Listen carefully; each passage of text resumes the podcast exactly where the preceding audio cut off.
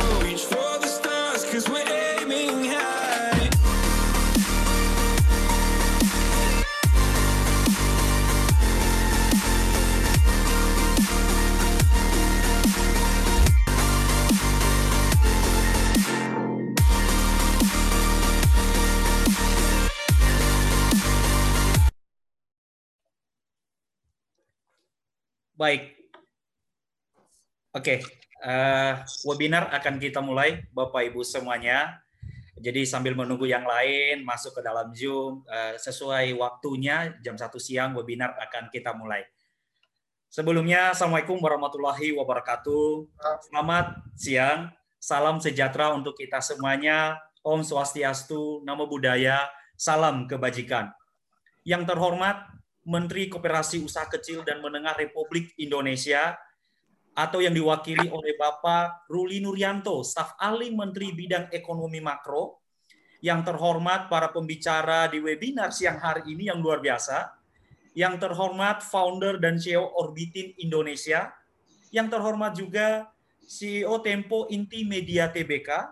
Yang terhormat juga Bapak Ibu para undangan yang tidak bisa kami sebut satu persatu dan yang kami banggakan Bapak Ibu semuanya yang sudah ikut bergabung dalam webinar siang hari ini. Izinkan saya atas nama Memorianus Amaziono akan memandu dan memulai acara webinar siang hari ini. Sebelum kita memulai webinar kita, perlu kami sampaikan ada beberapa rules yang mungkin harus kita ikuti bersama. Antara lain, yang pertama, ketika webinar sudah kita mulai, maka mohon maaf Zoom Bapak Ibu akan kita off-kan otomatis atau di mute supaya tidak menimbulkan suara yang bisa mengganggu. Yang kedua, ketika nanti para narasumber memberikan materinya dan Bapak Ibu mau menyampaikan pertanyaannya, maka pertanyaan lebih awal bisa dituliskan dalam chat Zoom. Yang ketiga, ketika sudah masuk sesi diskusi, maka pertanyaan Bapak Ibu akan dibahas satu persatu.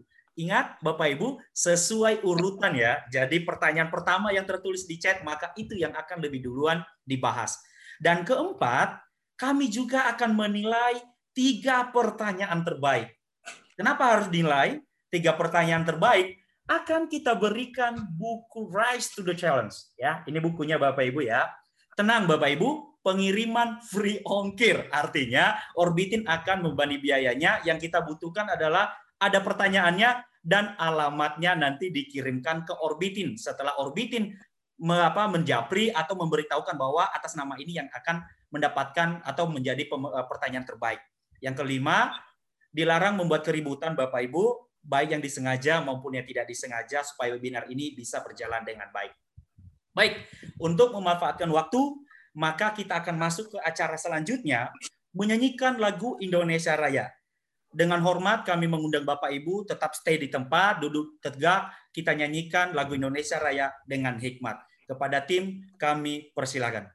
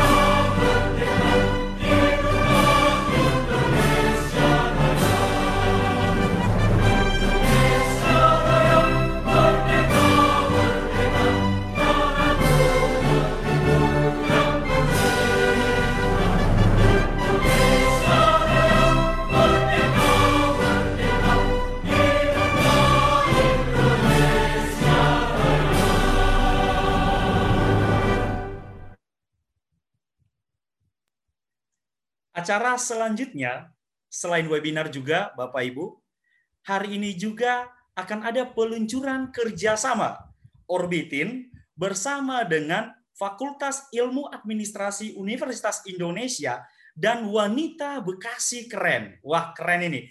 Siapa sih mereka? Perlu kami jelaskan bahwa pertama, kerjasama Orbitin dengan Fakultas Ilmu Administrasi Universitas Indonesia merupakan sebuah implementasi program inkubasi yang memang menjadi program andalan daripada Orbitin selama ini untuk melakukan inkubasi ide-ide bisnis mahasiswa Fakultas Ilmu Administrasi UI dengan program Young Entrepreneurship Challenge, di mana yang akan melibatkan semua mahasiswa Fakultas Ilmu Administrasi Universitas Indonesia dan Civitas Akademika Fakultas Ilmu Administrasi Universitas Indonesia.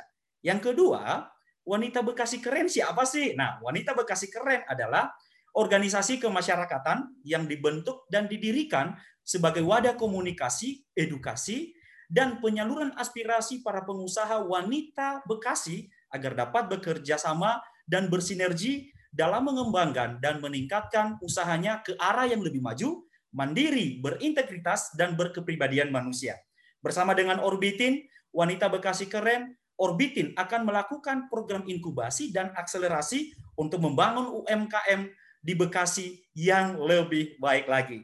Selanjutnya, mari kita saksikan video launching kolaborasi Orbitin bersama dengan Fakultas Ilmu Administrasi Universitas Indonesia dan Wanita Bekasi Keren. Kepada tim, kami persilahkan.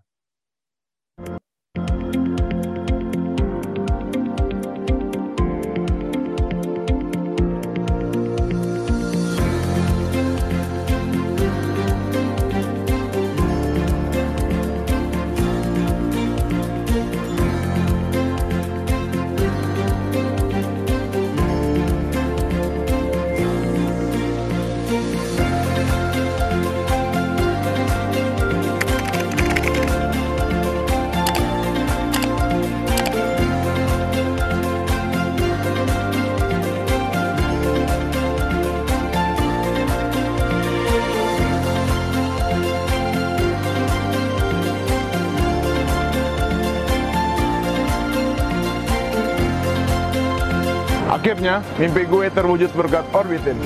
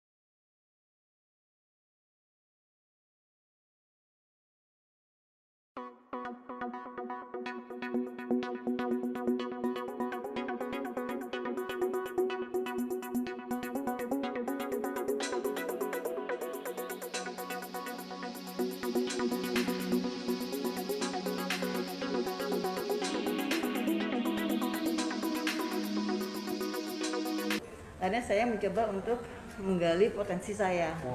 Ya potensi saya apa gitu kan. Oh mungkin saya lebih suka dengan treatment gitu kan dengan perawatan hobi. Jadinya berawal dari hobi.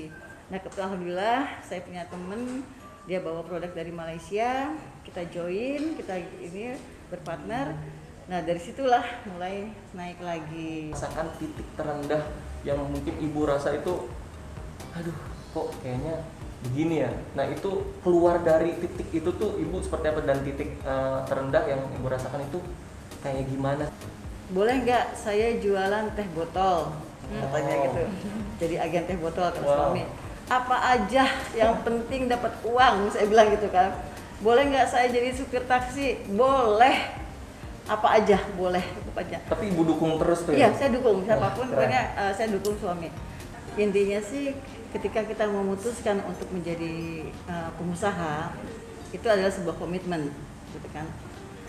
Dan yang pertama harus saya ingat adalah harus kuat gitu aja kuat.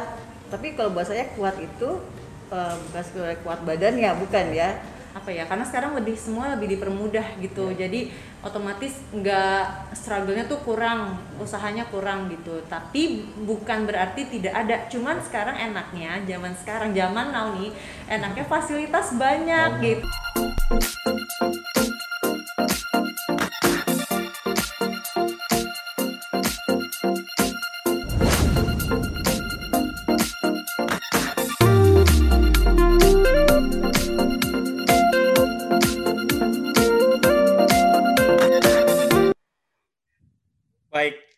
Itulah sekilas video launching kerjasama dan kolaborasi Orbitin bersama dengan Fakultas Ilmu Administrasi UI dan Wanita Bekasi Keren. Jadi buat teman-teman mahasiswa UI ini yang ada di sini, atau buat Bapak Ibu UMKM dari Bekasi, apa yang akan kita lakukan? Tunggu kami di kota Anda, di Bekasi, tunggu kami di Fakultas Ilmu Administrasi Universitas Indonesia. Jadi acara selanjutnya, acara yang penting dan intinya adalah masuk kepada sesi webinar. Dan kali ini kita sapa moderator kita yang luar biasa. Selamat siang Pak Jimmy. Selamat siang Mas Emo. Selamat siang Pak. Sehat Pak? Alhamdulillah. Berarti sudah siap ya Pak. Berarti sekarang lanjutan ke Pak Jimmy ya. siap, siap. Oke, siap. siap. Jadi acara selanjutnya Bapak Ibu, webinar akan dimoderatori oleh orang yang luar biasa, Pak Jimmy Gani. Kepada Pak Jimmy, kami persilakan. Terima kasih Mas Iso. Bismillahirrahmanirrahim. Assalamualaikum warahmatullahi wabarakatuh. Waalaikumsalam warahmatullahi wabarakatuh. Semangat pagi. Halo semangat pagi, Pak. Wah, luar biasa ini. Terima kasih sekali lagi Mas Memo. Ini alhamdulillah hari ini kita bisa berkumpul uh, selain daripada uh, tadi memperingati anniversary pertama dari Orbitin Kebanggaan Indonesia, juga kita ingin mendengar nantinya Eh, para tokoh, para expert yang luar biasa, bukan hanya dari Indonesia aja, tapi juga dari uh, Singapura, kemudian juga uh, dari perusahaan uh, Malaysia. Ini kita mendengarkan bagaimana uh, apa uh, UMKM bisa berkiprah ke depannya. Jadi tema kita pada hari ini adalah enhancing SME sustainability through innovation and digitalization. And thank you so much uh, kami yang terhormat Bapak uh, Menteri uh, Koperasi dan UMKM, His Excellency Pak Teten Mas Duki, yang dalam hal ini diwakili oleh Pak Ruli Nurianto, staf ahli Menteri Bidang Ekonomi Makro. Selamat siang, Pak. Selamat eh, siang. Selamat siang. Wah, luar biasa ini. Ya, Pak, terima kasih Pak Ruli sudah berkenan hadir. Selamat uh, siang juga untuk uh, former Singapore Senior Minister of State Foreign Affairs and a young professor of Nanyang Technological University, His Excellency Zainal Abidin Rashid. Good afternoon, His Excellency Zainal Abidin Rashid. Good afternoon, selamat siang, Assalamualaikum. Waalaikumsalam. Bersemangat Pak Jimmy, Alhamdulillah. Semangat, terima kasih Pak Zainal. And I'd also like to welcome uh, the panelist speakers, uh, para uh, apa pembicara kita yang luar biasa. Yang pertama adalah Wakil Ketua Umum Kadin untuk UMKM Pak Teguh Ananta Wikrama. Teman saya Pak Teguh, apa kabar? Baik, selamat siang. Wah, saya biasa. dari Bandung nih. Wih, luar biasa dari Bandung jauh-jauh ini. Subuh-subuh berangkat ke Bandung. Mantap, mantap. Jadi uh, selain itu saya juga ingin menyapa uh, rekan saya President of Grab Indonesia, Pak Rizky Krama Dibrata. Pak Rizky. Apa kabar? Wah, luar biasa ini membangun Indonesia. Pak Rizky ini saya kenal dulu uh, merupakan profesional yang mumpuni di Amerika, kemudian kembali ke Indonesia, eh terus ditarik sama Air Asia sebagai CEO. Dan uh, sekarang kita tahu berkiprah sebagai Presiden Grab Indonesia luar biasa. Kita nanti dengarkan dari beliau mengenai uh, cerita-cerita yang luar biasa. Tapi kayaknya nggak nggak apa nggak uh, seru nih kalau semuanya tadi kita dengar apa laki-laki gitu ya. Padahal kemarin kan kita baru saja merayakan International Women's Day. Jadi kali ini wanita yang luar biasa itu adalah Wakil Ketua Umum dari WBK yang juga owner dari Ledivia Cake and Purira. Ya, Assalamualaikum Pak Jimmy. biasanya paling semangat apa kabar? Waalaikumsalam. Wah, luar biasa. Terima kasih Bu Ira udah berkenan hadir. Dan pembicara terakhir kita nanti adalah Pak eh, Dr. Justin Ma, seorang founder, principal consultant from the Enterprise Innovation Center Singapore yang sangat berpengalaman untuk melakukan digitalisasi di berbagai negara, termasuk Singapura, China, dan eh, Asia Pacific lainnya. Hai, Dr. Justin Ma, how are you? Hi, Mr. Jimmy. Thanks for the invitation. Thank you so much. Uh, so you, we give you an exception to not speak in bahasa. Yeah. Oh, with your kind permission, but I hope the next time I was speaking in Bahasa. Oke, thank you so much. Alright, saya juga ingin menyapa ini teman saya, Pak eh, Torik Hadad, CEO dari Tempo Intimedia. Pak Torik, apa kabar? Baik Pak Jimmy. Wah, luar biasa. Alhamdulillah. Jadi, Bapak-bapak, Ibu-ibu, ini saya ingin eh, sedikit cerita bahwa saya ketemu Pak Torik itu udah belasan tahun yang lalu, waktu saya baru saja mendirikan eh, Proven Force Indonesia dan diberikan kesempatan untuk berpartner sama eh, apa eh, sama Tempo Intimedia untuk nyapu-nyapu di Temprin dan alhamdulillah kita berhasil gitu ya eh, nyapu-nyapu jadi banyak waste di sana yang yang terkumpul dan eh, dengan demikian eh, Te- Temprin salah satu anak perusahaan Tempo eh, menjadi lebih efisien dan produktif. Nah, sejak itu kita membina hubungan yang baik dan eh, dua tahun yang lalu saya ketemu Pak itulah cikal bakal daripada Rama. Jadi kita berpartner jadi anak cucu eh, cucu orbitin ini. Sesuatu yang mau disampaikan sebelum masuk ke acara umum? Iya, apa Jimmy saya uh, gembira sekali dengan prestasi Orbitin sejauh ini, apalagi tadi dibuka dengan kerjasama dengan Fakultas apa uh, administrasi ya dari Universitas Indonesia dan juga uh, perempuan keren Bekasi gitu ya. Jadi saya kira uh, so far perkembangan dari Orbitin luar biasa. Terima kasih untuk kerja keras Pak Jimmy dan saya ingin juga apa berterima kasih kepada semua panelis yang sudah hadir di sini dan juga apa guest speaker nanti ada Pak Zainul Abidin Rasid. Apa kabar Pak Zainul? Assalamualaikum warahmatullahi wabarakatuh. Mudah-mudahan pada kesempatan yang lain kita bisa bertemu tatap muka begitu ya Pak Jimmy dan eh, juga kepada apa Pak Ruli yang yang mewakili kementerian eh, sampaikan salam buat Pak Menteri Teten dan berharap eh, apa kami bisa terus mendukung lah program-program UMKM karena memang untuk itu Orbitin ini didirikan. Jadi kami ingin lebih banyak lagi UMKM, pengusaha UMKM itu kemudian naik tingkat gitu. Seperti tadi ada video yang udah kita lihat. Kemudian pengusaha kecil naik menjadi menengah, yang menengah naik menjadi pengusaha besar dan Indonesia akan lebih baik dengan semakin banyaknya UMKM yang naik kelas ini. UMKM yang naik kelas ini dan juga saya lihat di sini ada Pak Justin Ma dan barangkali kita bisa bertemu berkolaborasi gitu dengan uh, apa tetangga-tetangga kita yang tentu udah lebih dulu mengembangkan UMKM dan apa pengusaha-pengusaha kelas menengahnya. Uh, saya pikir mungkin itu yang bisa saya sampaikan dalam pembukaan serial webinar ini. Saya berharap ada banyak ide, ada banyak pikiran. Nah, juga terima kasih. Saya kalau tidak menyapa Ibu Diah rasanya kok bagaimana ya? Masa perempuan nggak disapa gitu kan? Bu, apa kabar? Alhamdulillah baik Pak Tori ada kabar baik. ya, Excellency Pak Najib. Nanti saya dosa kalau tidak menyapa Pak Najib gitu. Apa kabar Pak Beni, Pak Hairul, Pak Teguh dan semuanya. Mudah-mudahan kita bisa Pak Darwin juga. Mudah-mudahan kita bisa apa uh, mendapat sebuah suguhan atau bincangan yang sangat menarik. Gitu. Saya mohon maaf tidak bisa ikut karena ini pun saya keluar sebentar dari rapat direksi. Kalau Pak Jimmy memerintah, saya kira saya agak susah menolak, jadi saya keluar sebentar.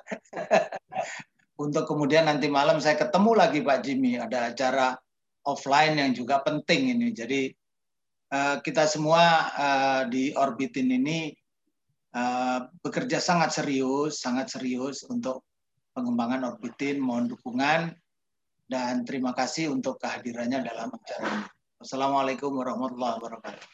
Waalaikumsalam warahmatullahi wabarakatuh, Pak Torik. Wah, luar biasa. Jadi sebagai informasi aja, kita kan tahunya kan Tempo selama ini majalah loh. Jadi rencananya Tempo ini akan ada, uh, udah ada Tempo TV ya, dan kita udah tahu ada Tempo.co dan pengembangan digitalnya luar biasa. Bahkan Pak boleh ya ngasih sedikit uh, bocoran boleh? Boleh, boleh. Boleh ya. Jadi rencananya Tempo.co akan go public. Tapi ya, diam-diam dulu aja Pak ya. Soalnya nanti apa sahamnya langsung naik Pak. Ada yang dengar nanti. Ya. Oke. okay. Terima kasih Pak Torik. Good luck dengan itu sampai ketemu nanti malam. Jadi Baik. seperti yang tadi Pak Torik sampaikan, memang uh, Orbitin sudah kerjasama dengan banyak pihak Makasih Pak okay, Kedubes, UMKM, ada terima kasih Pak Tori. Ya, nah, uh, dan Waalaikumsalam. Dan kita juga sudah mendapatkan uh, apa beberapa uh, apa potensi investor lah. Jadi salah satunya nanti malam kita akan bicara sama salah satu uh, potential investor kita secara offline dan insya Allah kita bisa closing uh, apa investor itu sehingga Orbitin bisa lebih cepat lagi maju ke depan. Nah, uh, jadi uh, alhamdulillah semua sudah hadir. Uh, untuk uh, berikutnya kita ingin sekali mendengar uh, apa uh, pencerahan dari Kementerian uh, Koperasi dan UMKM yang dalam hal ini uh, akan disampaikan oleh Pak Ruli Nuryanto, staf ahli Menteri Bidang Ekonomi Makro. Wah, ini luar biasa. Pak Ruli? Ya, Pak Jimmy.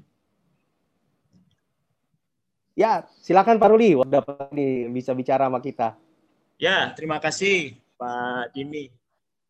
Uh, yang terhormat tentu Pak Jimmy M. Rifai Gani ya selaku CEO sekaligus founder PT Orbitin Kebangsaan Indonesia. Kemudian uh, yang terhormat tadi MC kita ya Mas Memo. Yang terhormat uh, guest speaker pada webinar uh, kali ini Mr. Zainul Abidin Rashid ya selaku emeritus advisor uh, dari Orbitin. Kemudian yang terhormat tadi Pak Torik Haddad yang sudah uh, keluar dari room ya. Kemudian yang terhormat juga uh, para pembicara panelis uh, pada webinar kita siang ini ada Pak Rizky Kramadi Berata, ada Ibu Iradiah Loka Handayani, kemudian ada Pak Teguh Ananta Wikrama, dan ada uh, Dr.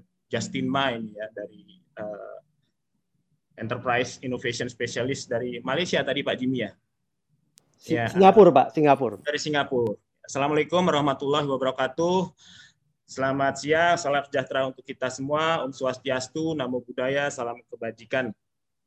Uh, tentu pertama-tama saya ingin memohonkan maaf dari Pak Menteri, Pak Jimmy dan Bapak Ibu sekalian sepertinya rencananya beliau yang akan hadir karena arahan ke saya pun uh, agak mendadak gitu. Jadi ada agenda lain mendadak yang yang yang harus beliau hadiri dan dengan tanpa mengurangi rasa hormat menugaskan saya untuk uh, menghadiri webinar uh, pada siang ini untuk memberikan apa uh, pengantar dan informasi mengenai apa yang selama ini sudah uh, kami lakukan.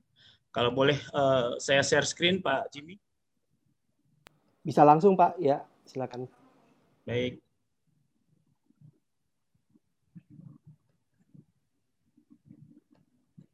Bentar Pak. Ini yang mana Mas? Oke. Bentar, Pak.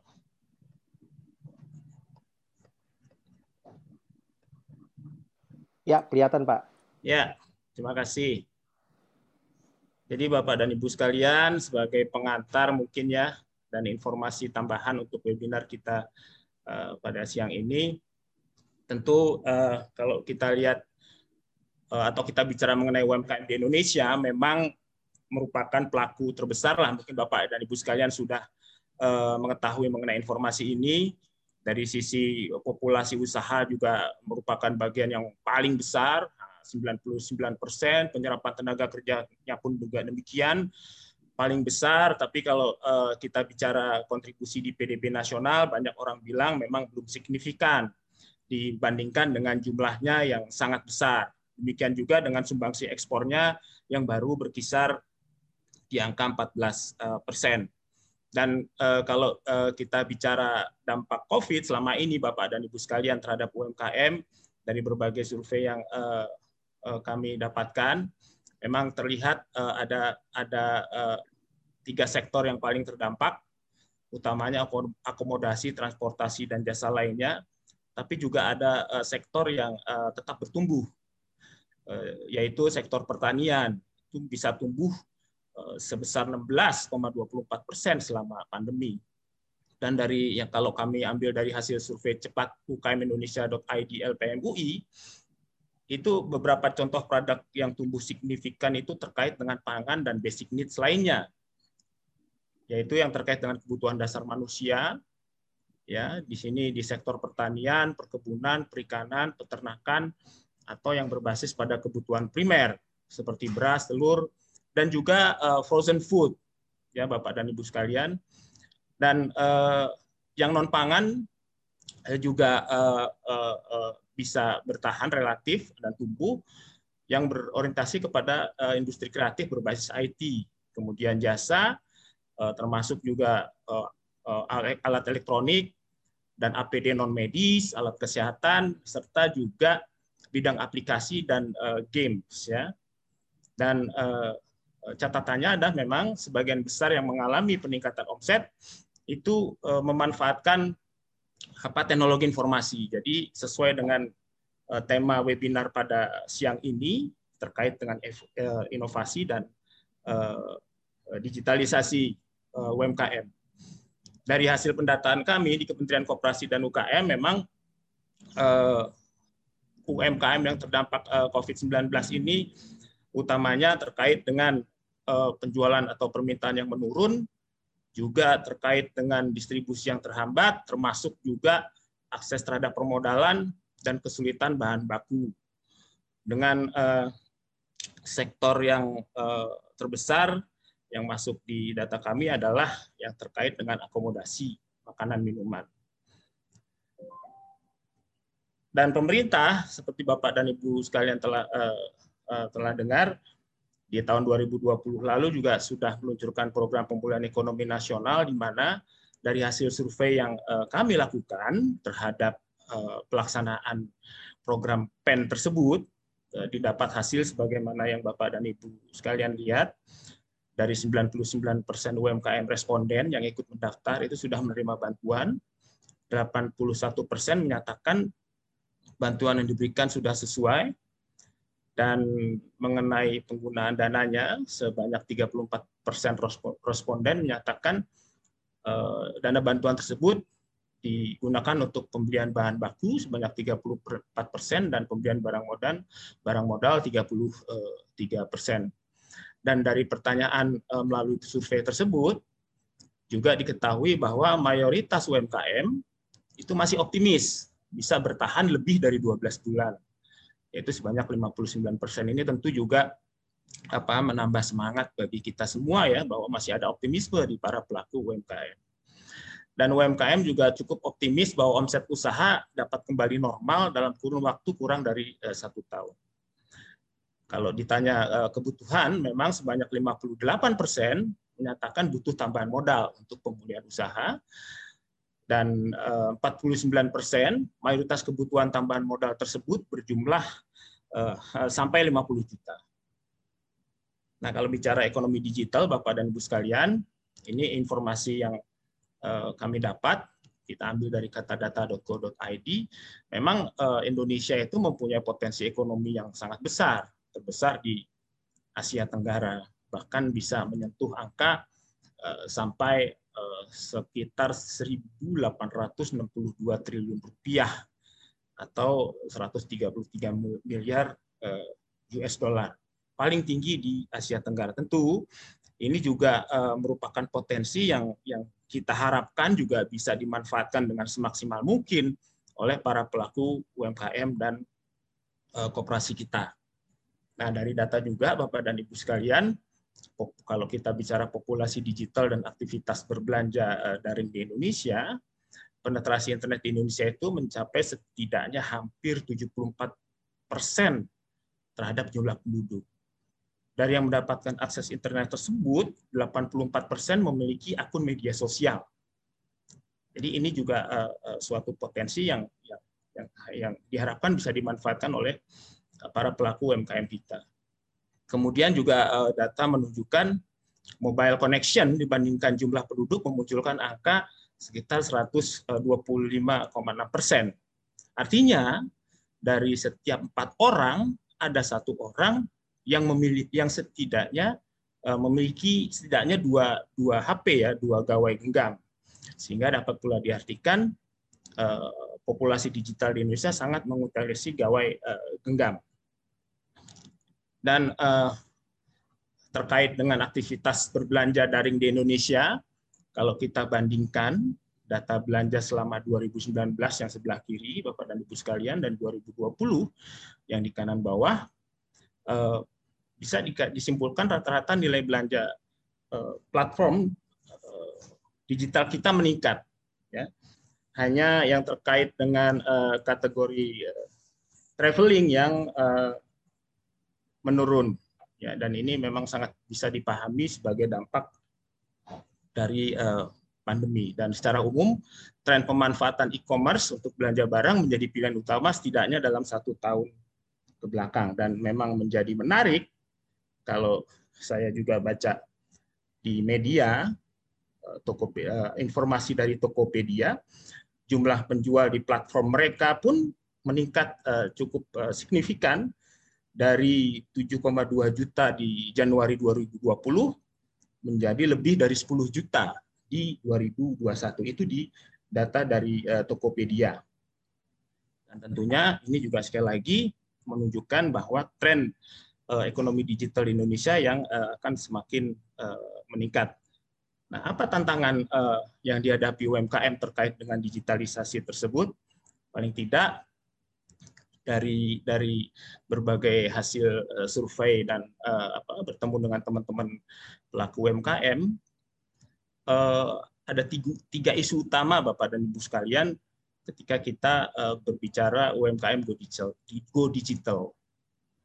Dan memang ketika kita bicara digitalisasi UMKM, kita tentu tidak selesai dengan uh, apa uh, berhasilnya UMKM hadir di platform digital.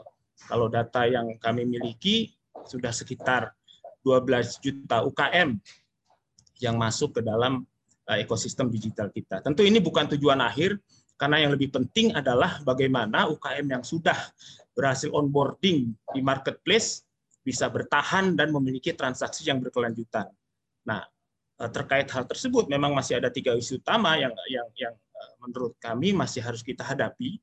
Pertama terkait dengan kapasitas usaha, yaitu kemampuan berproduksi dalam skala besar dan eh, tetap ekonomis. Kemudian terkait kualitas produk, ya, bagaimana para pelaku UKM kita bisa konsisten menjaga kualitas produknya dan juga terus memperbaiki kualitas produknya. Nah, di sini kita bicara juga mengenai isu tentang uh, kemampuan untuk berinovasi.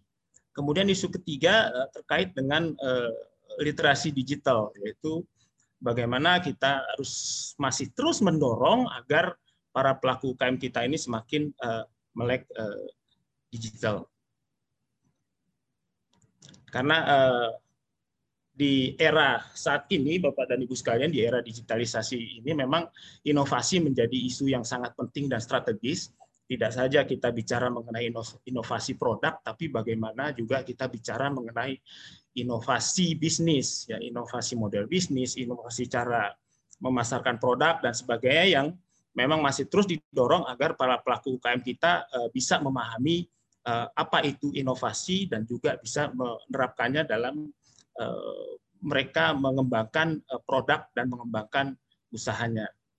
Dan ini memang menjadi tuntutan kalau kita lihat dari hasil apa penelitian dari FEB Unpad ya paling tidak kalau kita lihat perilaku konsumen yang memang ini harus menjadi perhatian dari para pelaku UMKM kita memang uh, strategi yang yang intinya kalau saya boleh ambil kesimpulan adalah kita bicara mengenai inovasi. Baik kita bicara mengenai kenali konsumen pasar di era normal, kita bicara utilisasi kapasitas melalui diferensiasi produk jasa, kita bicara mengenai kemampuan ber, uh, mengkomunikasikan keunggulan, kekasan dan dan keunikan produk, sampai kita bicara mengenai uh, penggunaan platform-platform uh, digital. Ini memang harus dilakukan oleh para pelaku UKM untuk beradaptasi dengan perubahan perilaku konsumen di era pandemi dan pasca pandemi nanti. Dan kami tentu menganggap penting literasi digital ini, Bapak dan Ibu sekalian. Uh, paling tidak kalau kita bicara uh, contohnya misalnya uh, adalah bagaimana kita menghubungkan UKM online yang belum terintegrasi ini secara digital kemudian juga ada kelompok angkatan kerja baru dan dan mungkin saja korban-korban PHK akibat pandemi COVID-19 yang uh, bisa saja kemudian mereka beralih menjadi pelaku eh, UKM. Ini beberapa uh, langkah Bapak dan Ibu sekalian sebagai informasi saja yang sudah dilakukan di tahun 2020 sebagaimana Bapak Ibu ketahui uh, tentu sudah ketahui melalui program pemulihan ekonomi nasional ada dana sebesar 123,46 triliun, termasuk di dalamnya adalah uh, pemberian bantuan produktif usaha mikro sebesar 28,8 triliun. Bapak Ibu sekalian, itu kalau kita bicara dari sisi hulu atau supply side. Kemudian di di middle-nya juga kita bicara bagaimana kita meningkatkan kualitas SDM dan produk UMKM. Ini beberapa uh, langkah yang telah kami lakukan semua juga berdasar dengan memanfaatkan teknologi infor, informasi. Kami sudah meluncurkan apa pelatihan-pelatihan juga yang berbasis e-learning, termasuk juga berbagai macam seri podcast, seri webinar, dan melalui program kakak asuh. Di sisi hilir tentu bagaimana kita bisa membuka pasar bagi produk-produk UMKM baik di pasar lokal maupun uh, global ada beberapa hal contoh yang bisa yang telah kami lakukan ya Bapak dan Ibu sekalian yang telah pemerintah lakukan melalui belanja produk UMKM oleh pemerintah dan BUMN dan melalui uh, onboarding atau digitalisasi UMKM dengan beberapa contoh kegiatan sebagaimana Bapak dan Ibu sekalian bisa uh, lihat. Nah, untuk itu tentu memang uh, uh, apa diperlukan upaya yang lebih diperlukan upaya yang yang terus menerus dan uh, untuk Eh, itu Bapak dan Ibu sekalian, salah satu yang sudah juga dilakukan di khususnya di Kementerian Koperasi dan UKM adalah kita melakukan eh, apa restrukturisasi organisasi internal Kementerian Koperasi dan UKM Bapak dan Ibu sekalian. Sebagai informasi yang tadinya eh, sebelumnya ada enam kedeputian di Kementerian Koperasi dan UKM, saat ini sudah menjadi empat deputi saja, sudah ada apa perubahan struktur organisasi Januari kemarin Bapak dan Ibu sekalian. Sekarang ada empat deputi yaitu deputi usaha mikro, deputi usaha kecil dan menengah, deputi kewirausahaan dan deputi koperasi. Ini dimaksudkan agar eh, masing-masing deputi ini bisa lebih fokus dalam rangka eh, memenuhi atau mencapai sebagaimana arahan Presiden yaitu UMKM naik kelas dan modernisasi koperasi. Kalau kita bicara deputi usaha mikro, Bapak dan Ibu sekalian, Eh, fokusnya adalah bagaimana eh, melakukan transformasi usaha mikro.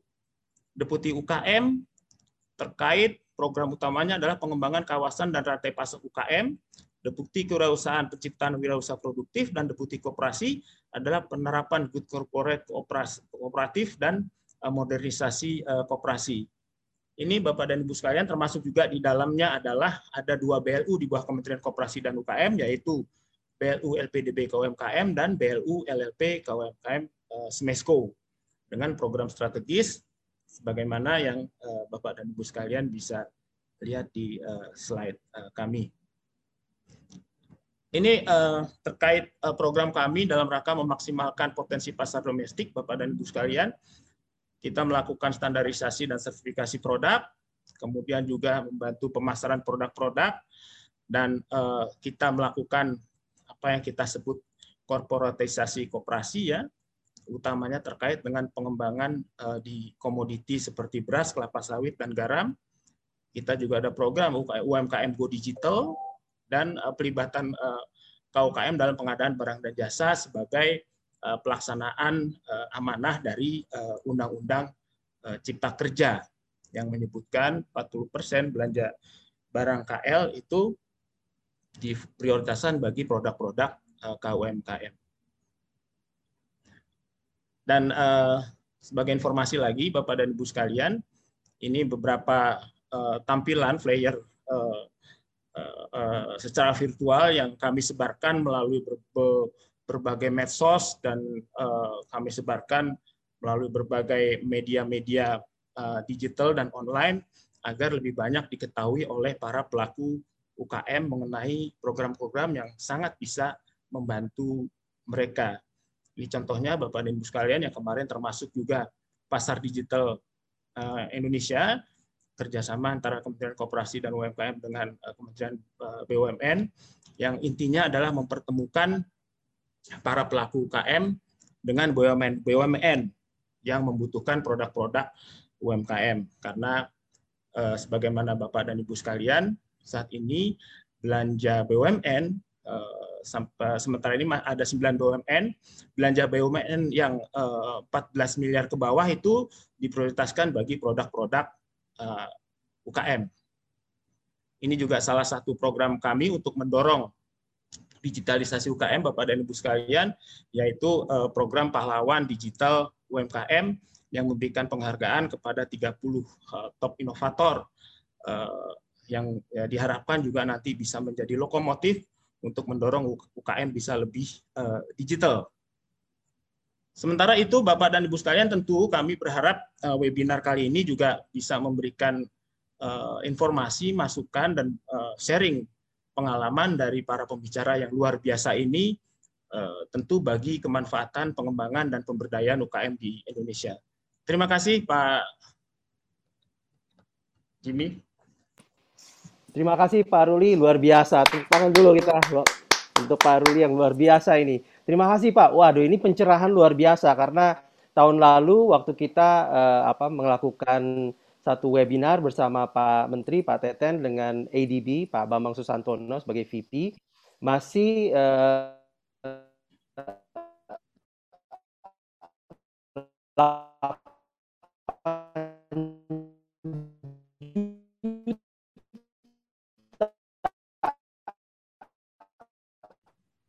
Mohon izin Pak Jimmy, suaranya hilang-hilang ya? Ya Jimmy, suaranya hilang-hilang Jimmy.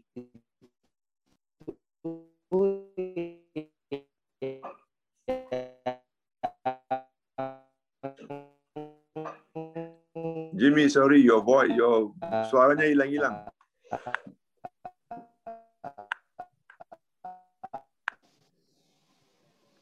Mohon maaf, bisa dengar sekarang? Ah, sekarang oke. Okay. Oke, okay, sorry sorry. Uh, ya, terima kasih Pak Ruli. Wah luar biasa ini apa uh, presentasinya. Jadi kita senang sekali uh, uh, pemerintah bergerak uh, untuk uh, terus melakukan upaya-upaya. Bahkan uh, anggaran yang diturunkan tuh tidak sedikit, 123,46 triliun yang kita lihat juga tentu hasil-hasilnya bagus. Nah, uh, sekali lagi uh, terima kasih Pak Ruli. Kita juga sekarang pengen mendengarkan dari kisah uh, Singapura. Jadi uh, kebetulan alhamdulillah pada siang hari ini kita ke uh, memiliki Pak uh, Zainal Abidin Rashid yang merupakan mantan uh, Menteri Luar Negeri uh, dari Singapura. Beliau juga sempat menjadi wali kota North East Singapura dan juga duta besar Singapura untuk Kuwait yang hari ini uh, akan cerita uh, pengalaman uh, beliau dan juga pengalaman Singapura ini supaya kita bisa tercerahkan. Uh, Pak Zainal? Ya, yeah, oke. Okay. Yes, please go bisa ahead. Bisa dengar ya? Bisa dengar bisa, bisa. Saya. Yes, uh. and please Yes, go ahead. Saya saya ini jadi dari Singapura, jadi menjauh. Masih dengar kan? dengar, dengar. Loud and clear. Ini ini yang kuasanya teknologi ya. Alhamdulillah melalui Zoom kita bisa berhubungan, ada koneksi dan uh, dapat sharing. Seperti kata Pak Ruli tadi. Uh, jadi sebelum saya teruskan, pertamanya saya mengucapkan Bismillahirrahmanirrahim. Assalamualaikum warahmatullahi wabarakatuh. Dan terima kasih sebanyak-banyaknya, setinggi-tingginya kepada Pak Jimmy dan juga Orbitan, ya, Orbitan yang uh, menganjurkannya. Uh, dan saya juga ingin mengambil kesempatan ini untuk mengucapkan selamat tahun baru yang pertama ya, first anniversary untuk Orbitin dan kita ucapkan semoga terus maju jaya dan terus menjadi nomor satu. InsyaAllah. InsyaAllah. Dan uh, saya juga ingin mengucapkan terima kasih juga karena kepada Pak Ruli Nurianto yang telah memberi persembahan yang begitu padat sekali. Saya cukup terkesan ini, impress sekali, betul-betul impress dengan data-data yang terkumpul dan juga bukan saja data yang untuk kita mengenal dari dengan lebih dekat lagi, Uh, keadaan di Indonesia, tapi juga harapan-harapan untuk masa depan. Terima kasih sekali dan salam juga untuk semua para panelis, uh, pembicara, termasuk apa, Pak Pak Torik tadi yang sudah tinggalkan tempat ini dan Pak Najib uh, dan banyak juga Pak pembicara-bicara yang lainnya yang saya lihat cukup impresif orang-orangnya seperti Pak Rizky, Pak Teguh, dan uh, Ibu Ira ya, Ibu Ira juga, dan juga teman saya Dr. Justin Ma. Kalau kita lihat dari nama-nama orang-orang yang terlibat dalam panel di sini, saya kira Pak Jim ini cukup karamanya. Coba lihat nama-namanya. Dari Pak Menterinya sampai ya sampai Teguh, sampai Ira yang baru, dan juga Just, Justin. Jadi Alhamdulillah, kita dapat berkumpul di webinar yang dianjurkan ini oleh Obitin dan kita mengharapkan bahwa dengan sharing melalui sharing yang kita adakan kita akan dapat terus belajar dari satu sama lain uh, untuk kepentingan bersama untuk uh, memajukan uh, bidang SME ini. Uh, saya tidak seperti Pak Ruli dengan banyak data-datanya. Saya lebih banyak bercerita nih Pak Juni. Uh, dan saya cuma dapat mengungsi pengalaman saya sendiri bagaimana saya lihat uh, isu-isu yang kita hadapi ini dalam konteks uh, the past, the present, and the future. Ya, jadi kalau kita lihat pada titlenya uh, webinar ini dan temanya dan juga tentunya fokus yang diberi oleh pihak penganjur uh, yaitu attention ya perhatian yang kita beri pada hari ini. It says everything about uh, our hope our harapan kita untuk masa depan yaitu the future. The future yang bukan kita tunggu lama-lama tapi the future today tapi kerana saya juga seorang senior citizen sudah 73 tahun jadi seringlah kita balik kepada the past. Jadi while we look for the future kita juga jangan lupa the past, yeah, the past, the present, and the future. And uh, so, uh, saya teringat um, saya pertama kali berhubungan uh, dengan orang-orang dari Indonesia uh, sebagai student leader pada tahun 70 lagi, tahun 69, tahun 70 kita adakan kerjasama di antara Indonesia, Malaysia, dan Singapura. Ya, jadi uh, saya di Singapura dan kebetulan abah atau ayah kepada Jimmy kita yaitu almarhum Fauzi Gani adalah teman saya zaman itu. Dan kalau Pak Fauzi Gani dari Jakarta, saya di Singapura, Anwar Ibrahim dari Kuala Lumpur. Jadi ikatan yang kita adakan ya dari zaman 70-an lagi, tahun 70-an lagi, kita dapat manfaatkan untuk sekarang dan insya Allah untuk masa depan juga. Kerana adalah hubungan seperti itu bermula dari student activities membawa kepada zaman diplomasi. Bila uh, Pak almarhum Fauzi Gani uh, ayah kepada Jimmy menjadi duta di mana-mana ya, di Jepang, di Perancis, di Amerika, dan terakhir jadi duta dubes Indonesia di Helsinki. Malah saya cukup bersyukur dapat peluang untuk bertemu almarhum di mana tempat dia bertugas. Hingga kan saya dapat tempat tinggal percuma, makanan pun percuma. Free food, free lodging. Dan kebetulan saya masih ingat lagi semasa Pak uh, Fauzi bertugas di Amerika, saya kebetulan tinggal di tempatnya. Jimmy masih kecil-kecil lagi saya ingat masa itu. Dan saya teringat, saya masih ingat saya mendapat telefon call dari Singapura, dari menteri, seorang menteri dari Singapura. Dia katakan pulang sekarang. Pemilu akan diadakan dalam masa sebulan dan kami mau kamu, mau saya ni untuk jadi calon untuk pilih pemilu pada tahun 1997. Jadi saya bergesas-gesas pulang ke Singapura untuk uh, bertanding dalam pemilu 1997 dan jadi anggota parlimen selama 15 tahun hampir membawa kepada setiausaha parlimen dan juga menteri negara dan menteri negara kanan dan senior minister of state foreign affairs dan perhubungan diplomasi itu diteruskan. Dan sekarang ini uh, saya lihat ya hasil daripada keadaan masa itu, saya ingat masih ingat lagi bekerja sama dengan bukan saja Pak Fauzi Ghani, malah Akbar Pak Akbar Tanjung, Noholis Majid, dan Pak Adam Malik, know, uh, Pak Alam Shah dulu di Segnek, uh, Pak Adam Malik jadi Menteri Luar, kemudian jadi Vice President Indonesia. Jadi saya sendiri banyak menimba pengalaman-pengalaman uh, daripada orang-orang lebih senior dari saya, dari Indonesia, dari Malaysia, dan memanfaatkan dari segi pertumbuhan uh, saya sendiri sebagai seorang profesional. Inilah uh, kelebihan yang saya lihat dari segi hubungan itu. Bagaimana kita dapat memanfaatkan hubungan-hubungan dari zaman sekolah, zaman uh, universitas, membawa kepada bidang profesional, ke bawah kepada keadaan sekarang ini. Jadi inilah menjadi harapan saya dari kita harus dapat memanfaatkan the connection tadi. How do we connect the dots?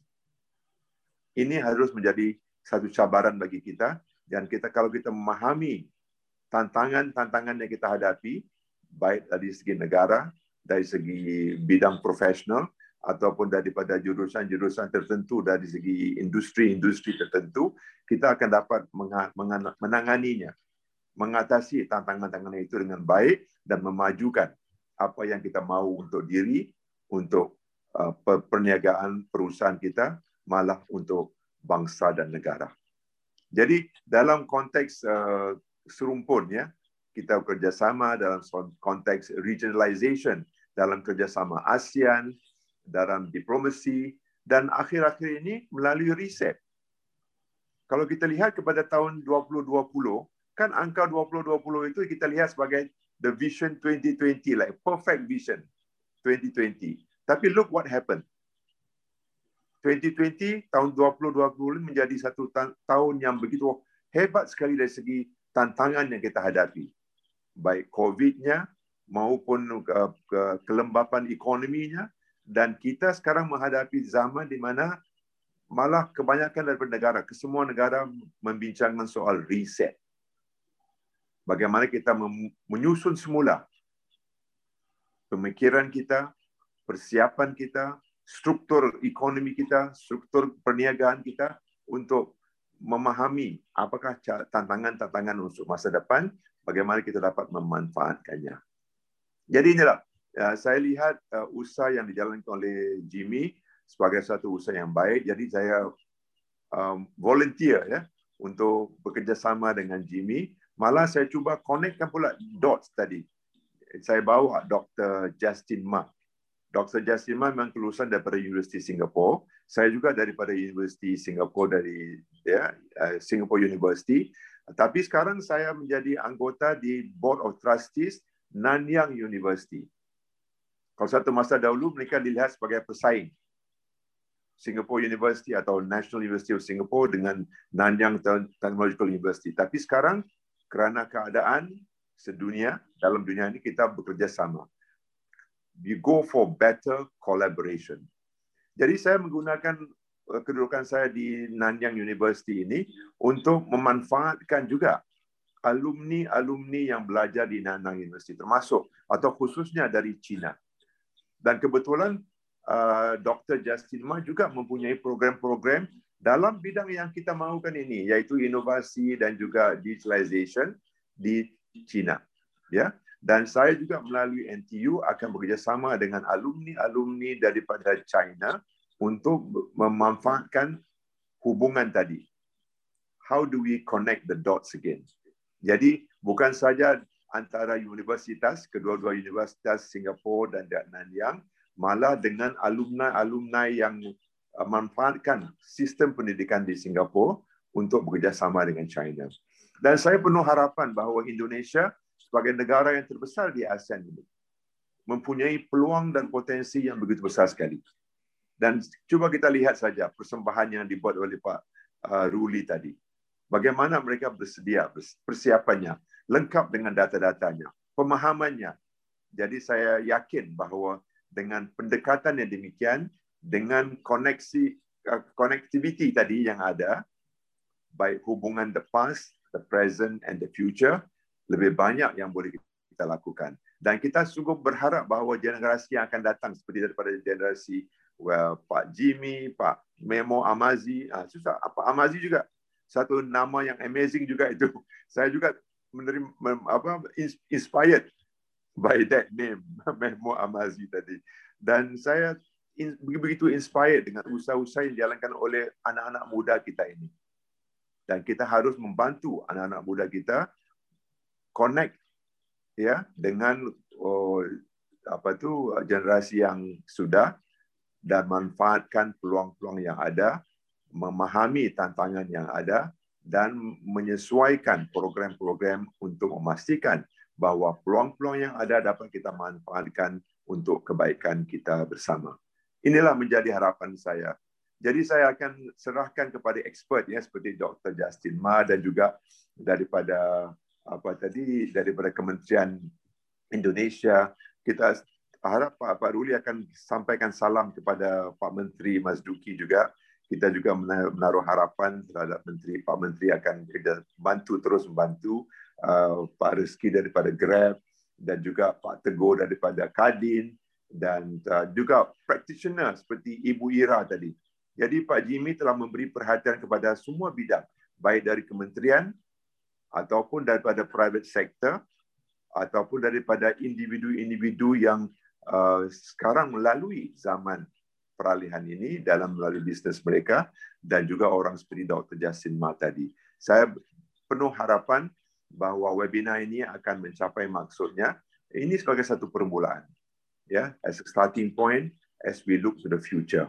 Let's make the best of our past to connect the dots for the present and for the future. Inilah menjadi harapan saya dan saya berdoa insyaAllah semoga usaha-usaha baik ini akan mendapat rahmat dan kejayaan yang kita harapkan. Wabillahi taufiq wa hidayah. Terima kasih Pak. Terima kasih. Terima kasih. Thank you so much uh, Minister Zainal. Luar biasa. Jadi uh, tadi Pak Zainal menyampaikan betapa network itu sangat penting uh, karena uh, network itu memang dibangun tidak uh, sebentar. Uh, dari tahun 60-an, 70-an Indonesia, Singapura, Malaysia udah uh, memiliki satu hubungan yang uh, sangat baik mulai dari uh, mahasiswa tadi sampai sekarang bagaimana kita bisa mempersatukan uh, network itu uh, apa uh, untuk uh, kebaikan sama-sama. Saya sendiri 21 tahun yang lalu pernah menjadi vice president untuk uh, Asia dari satu perusahaan uh, multinasional dan uh, alhamdulillah jadi ngelihat uh, apa kerjasama antara Singapura, Thailand, uh, Malaysia dan ini kesempatan yang baik uh, makanya hari ini kita uh, ingin bicara-bicara uh, uh, mengenai how do we enhance MSME's uh, sustainability using the network that we have through the innovation and digitalization. Jadi uh, again thank you so much uh, Pak Zainul atas uh, apa khidmatnya tadi.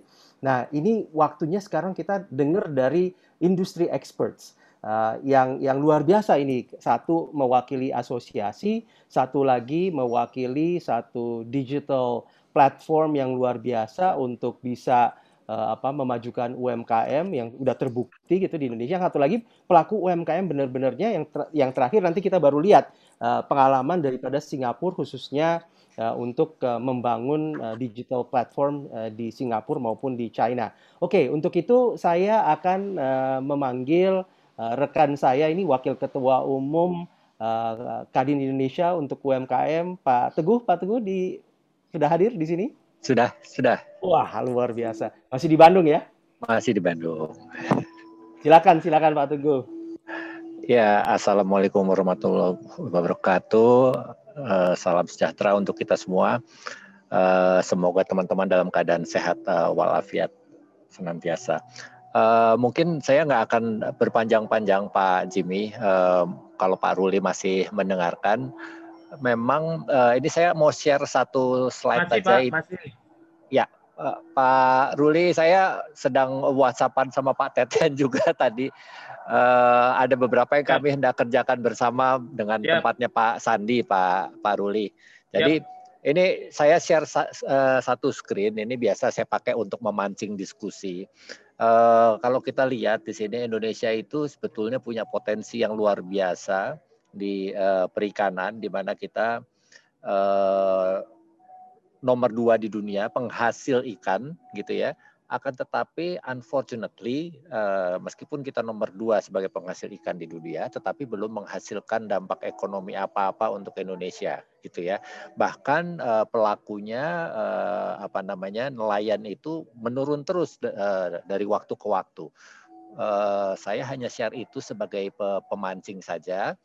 Eh, akan tetapi yang saya mau coba share di sini Pak Jimmy, Pak Rizky, Pak Ruli, eh, dalam perjalanan waktu Kadin eh, karena belakangan saya lumayan intensif dengan Pak Menteri, Pak Ruli, dengan beberapa dirjen juga, dengan di Kemenko PMK, yang saya terkejut itu sebetulnya ada 20 KL yang punya budget untuk UKM, gitu Pak.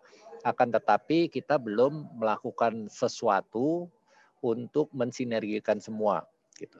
Saya sangat paham dari sisi dunia usaha kalau kita create sesuatu yang sifatnya project basis itu nanti akan ada benturan kepentingan dari segi benturan KPI masing-masing KL gitu. Maka yang kami coba tawarkan Pak Ruli dengan eh, Pak kepada Pak Menteri adalah kami mencoba mendevelop apa yang kita sebut sebagai a complete ecosystem for SMEs.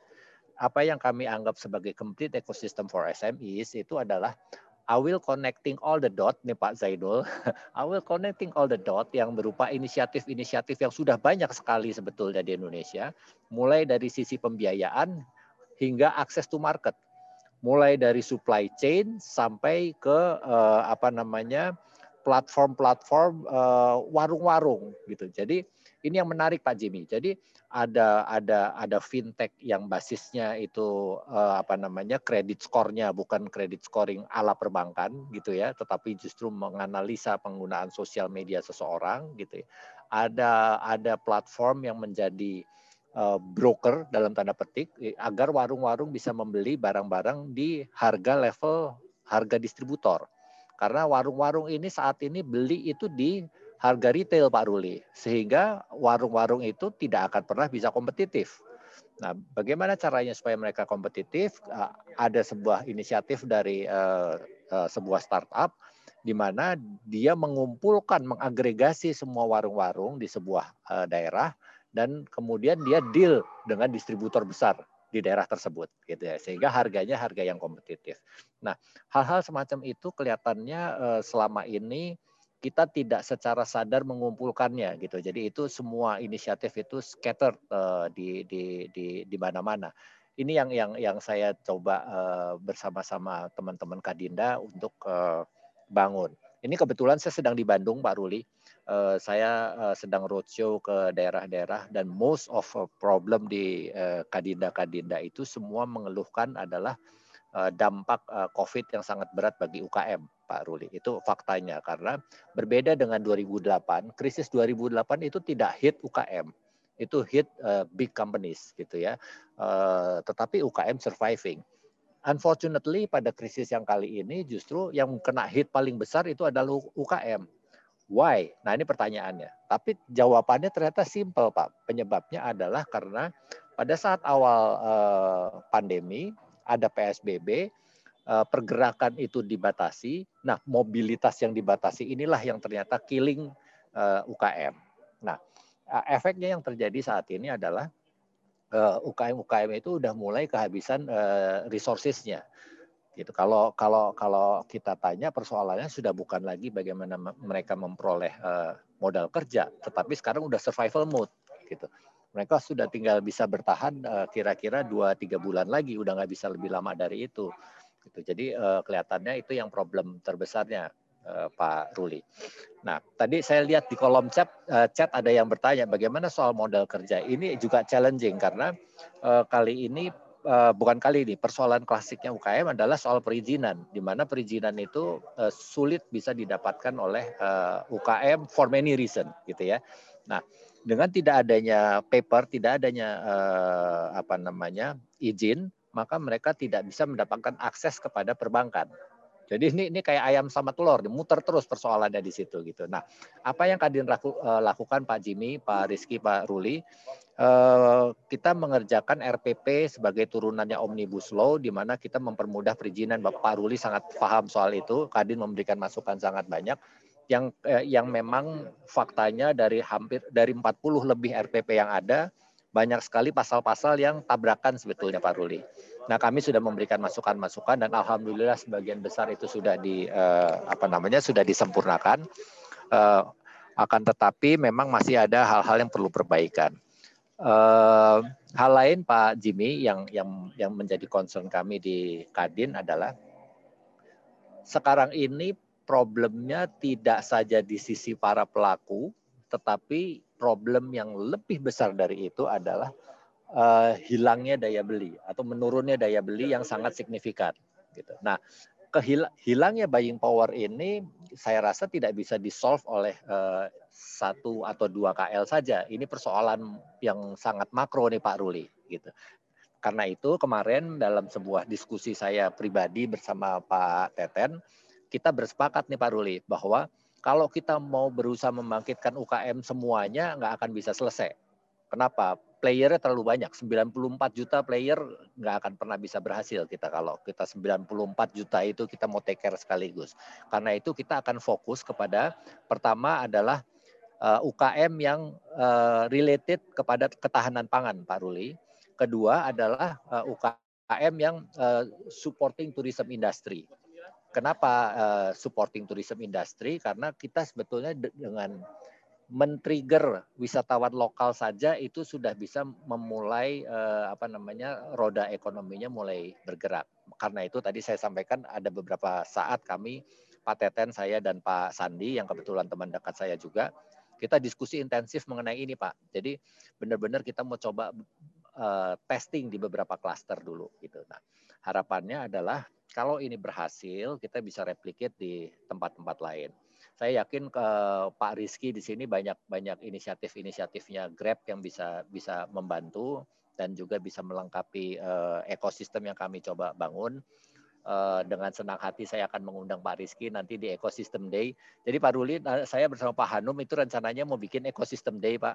Ya, kita sedang cari waktu yang tepat. Insya Allah di uh, akhir Maret ini Pak Jimmy, Pak Ruli, Pak Rizky semua welcome untuk datang Pak Zainul. Uh, virtual kita sifatnya kita akan mau coba dengar semua inisiatif-inisiatif yang uh, related to SME kita connecting all the dot kita bangun semangat yang sama. Yang paling penting menurut saya Pak Ruli sekarang adalah kita menyamakan uh, spirit kita menyamakan semangat kita bahwa Indonesia harus bangkit. Kita tidak bisa berdiam diri UKM kita yang terkenal paling resilient di di uh, region ini hasilnya uh, hasil researchnya United Nations bilang UKM-nya Indonesia itu paling resilient di antara semua negara uh, di antara semua neighboring countries. Tapi kalau ditanya per hari ini, mereka rata-rata bilang kita udah nggak tahan another two months. Rata-rata gitu. Just another two months and we are going uh, we are going to die. Gitu. Nah akhir artinya apa? Yang kita perlu bangkitkan adalah kepercayaan diri bahwa kita bisa bangkit bersama-sama dan itu tidak bisa tidak kita harus lakukan bersama-sama hand in hand Dan kenapa saya selalu senang Pak Jimmy kalau diundang Pak Jimmy atau siapa pun untuk bicara itu semata-mata ayo kita hand in hand, gandengan tangan, hanya dengan kebersamaan kita bisa bangkit. Dan insya Allah saya yakin Indonesia bisa bangkit jika kita terus-menerus uh, silaturahmi ini seperti uh, hari ini kita lakukan terus. Mungkin itu izin Pak Ruli nanti saya uh, kirim nomor WhatsApp saya nanti kita bisa diskusi lebih lanjut juga Pak Rizky, Pak Jimmy uh, karena saya masih di tengah acara mohon maaf sebentar lagi mungkin saya off dulu videonya tetapi saya masih monitor. Assalamualaikum warahmatullahi wabarakatuh. Salam sejahtera untuk kita semua. Semoga kita uh, sukses apa menjadi Indonesia yang bangkit. Waalaikumsalam warahmatullahi wabarakatuh. Wah, luar biasa ini Pak Teguh. Saya harus jujur ini Pak Teguh jadi kita empat tahun lalu pernah melakukan FGD mengenai digital ecosystem ini. Ya. Uh, waktu itu saya masih rektor IPMI. IP, Jadi ya. pada saat itu saya berpikir, wah kalau saya terus di Menara Gading nggak turun-turun gitu ya, uh, apa sayang sekali gitu. Akhirnya saya sekarang jadi uh, apa? Uh, jadi uh, membuat uh, orbitin tadi sehingga rambut saya yang di belakang udah mulai tumbuh lagi. Alhamdulillah. Alhamdulillah. Jadi sekarang kita berjuang bersama di sektor swasta ya Pak Teguh ya. Ya. Oke. Okay. Pak Ruli mohon izin saya off kameranya Pak Ruli, nanti saya WhatsApp nomornya saya. Terima kasih Pak Teguh. Wah ini jadi Pak Teguh juga punya apa uh, andil juga terhadap uh, apa ide dasar daripada orbitin uh, yang yang kita uh, bangun bersama Tempo. Nah, sekarang waktunya ini yang paling ditunggu-tunggu nih karena teman saya yang satu ini adalah uh, orang yang luar biasa Pak Rizky Kramadibrata. Saya rasa uh, apa bukan hanya sekarang menjadi platform uh, transportasi uh, yang terkemuka, tetapi kelihatannya perhatian terhadap UMKM-nya ini luar biasa gitu. Pak Rizky, apa kabar? Baik Pak Jimmy, semoga Waduh. sehat selalu ya. Amin Jadi amin. Wah, jadi teman sekantor nih Pak Jimmy. Waduh. Di kalau Bakri ya. Pak Teguh, kalau Pak Teguh sih udah lama kita berjibaku bareng ya. Siap. Mantap, mantap. Silakan Pak Rizky. Makasih Pak Jimmy. Wah, dari tadi saya dengerin Pak Teguh emang luar biasa. Dari dulu udah kelihatan memang passion dan apa namanya kontribusinya kepada negara ini selalu konsisten. Uh, Pak Jimmy, thank you terima kasih sekali lagi kepada Pak Jimmy dan uh, Orbitin yang apa namanya sudah apa namanya menyiapkan forum untuk diskusi ini. Lalu saya juga ingin memberi salam juga nih kepada Bapak Ruli Nurianto uh, sebagai perwakilan dari Pak Teten Mas Duki. Salam hormat juga buat Pak Teten, Pak Menteri ya, Pak Ruli. Ya, baik Pak. Ya, kemudian uh, baik baik. Kemudian course di sini yang saya baru kenal His Excellency Bapak Zainul Abidin Rashid. Bapak, salam kenal. Uh, I hope we can meet someday ya Pak ya. Uh, kemudian ada Ibu Ira Diah Loka Mandayani. Ya, ini luar biasa sekali saya baca sebagai bukan hanya sebagai Vice Chairwoman uh, dari apa WBK, tapi juga owner dari mungkin ini kategorinya apa ya Bu ya? Ini kayak usaha menengah kelihatannya ya. Terima kasih udah hadir di sini mewakili industri UMKM. Tadi Bapak Teguh udah, kemudian juga uh, Mr. or, Dr. Justin Ma, Ma Principal Consultant uh, dari dari apa Singapore. So apa namanya salam kenal juga ya Pak ya. Tentunya saya di sini ingin sharing sedikit bagaimana Grab bisa berkontribusi untuk Indonesia dan specifically sebetulnya untuk UMKM.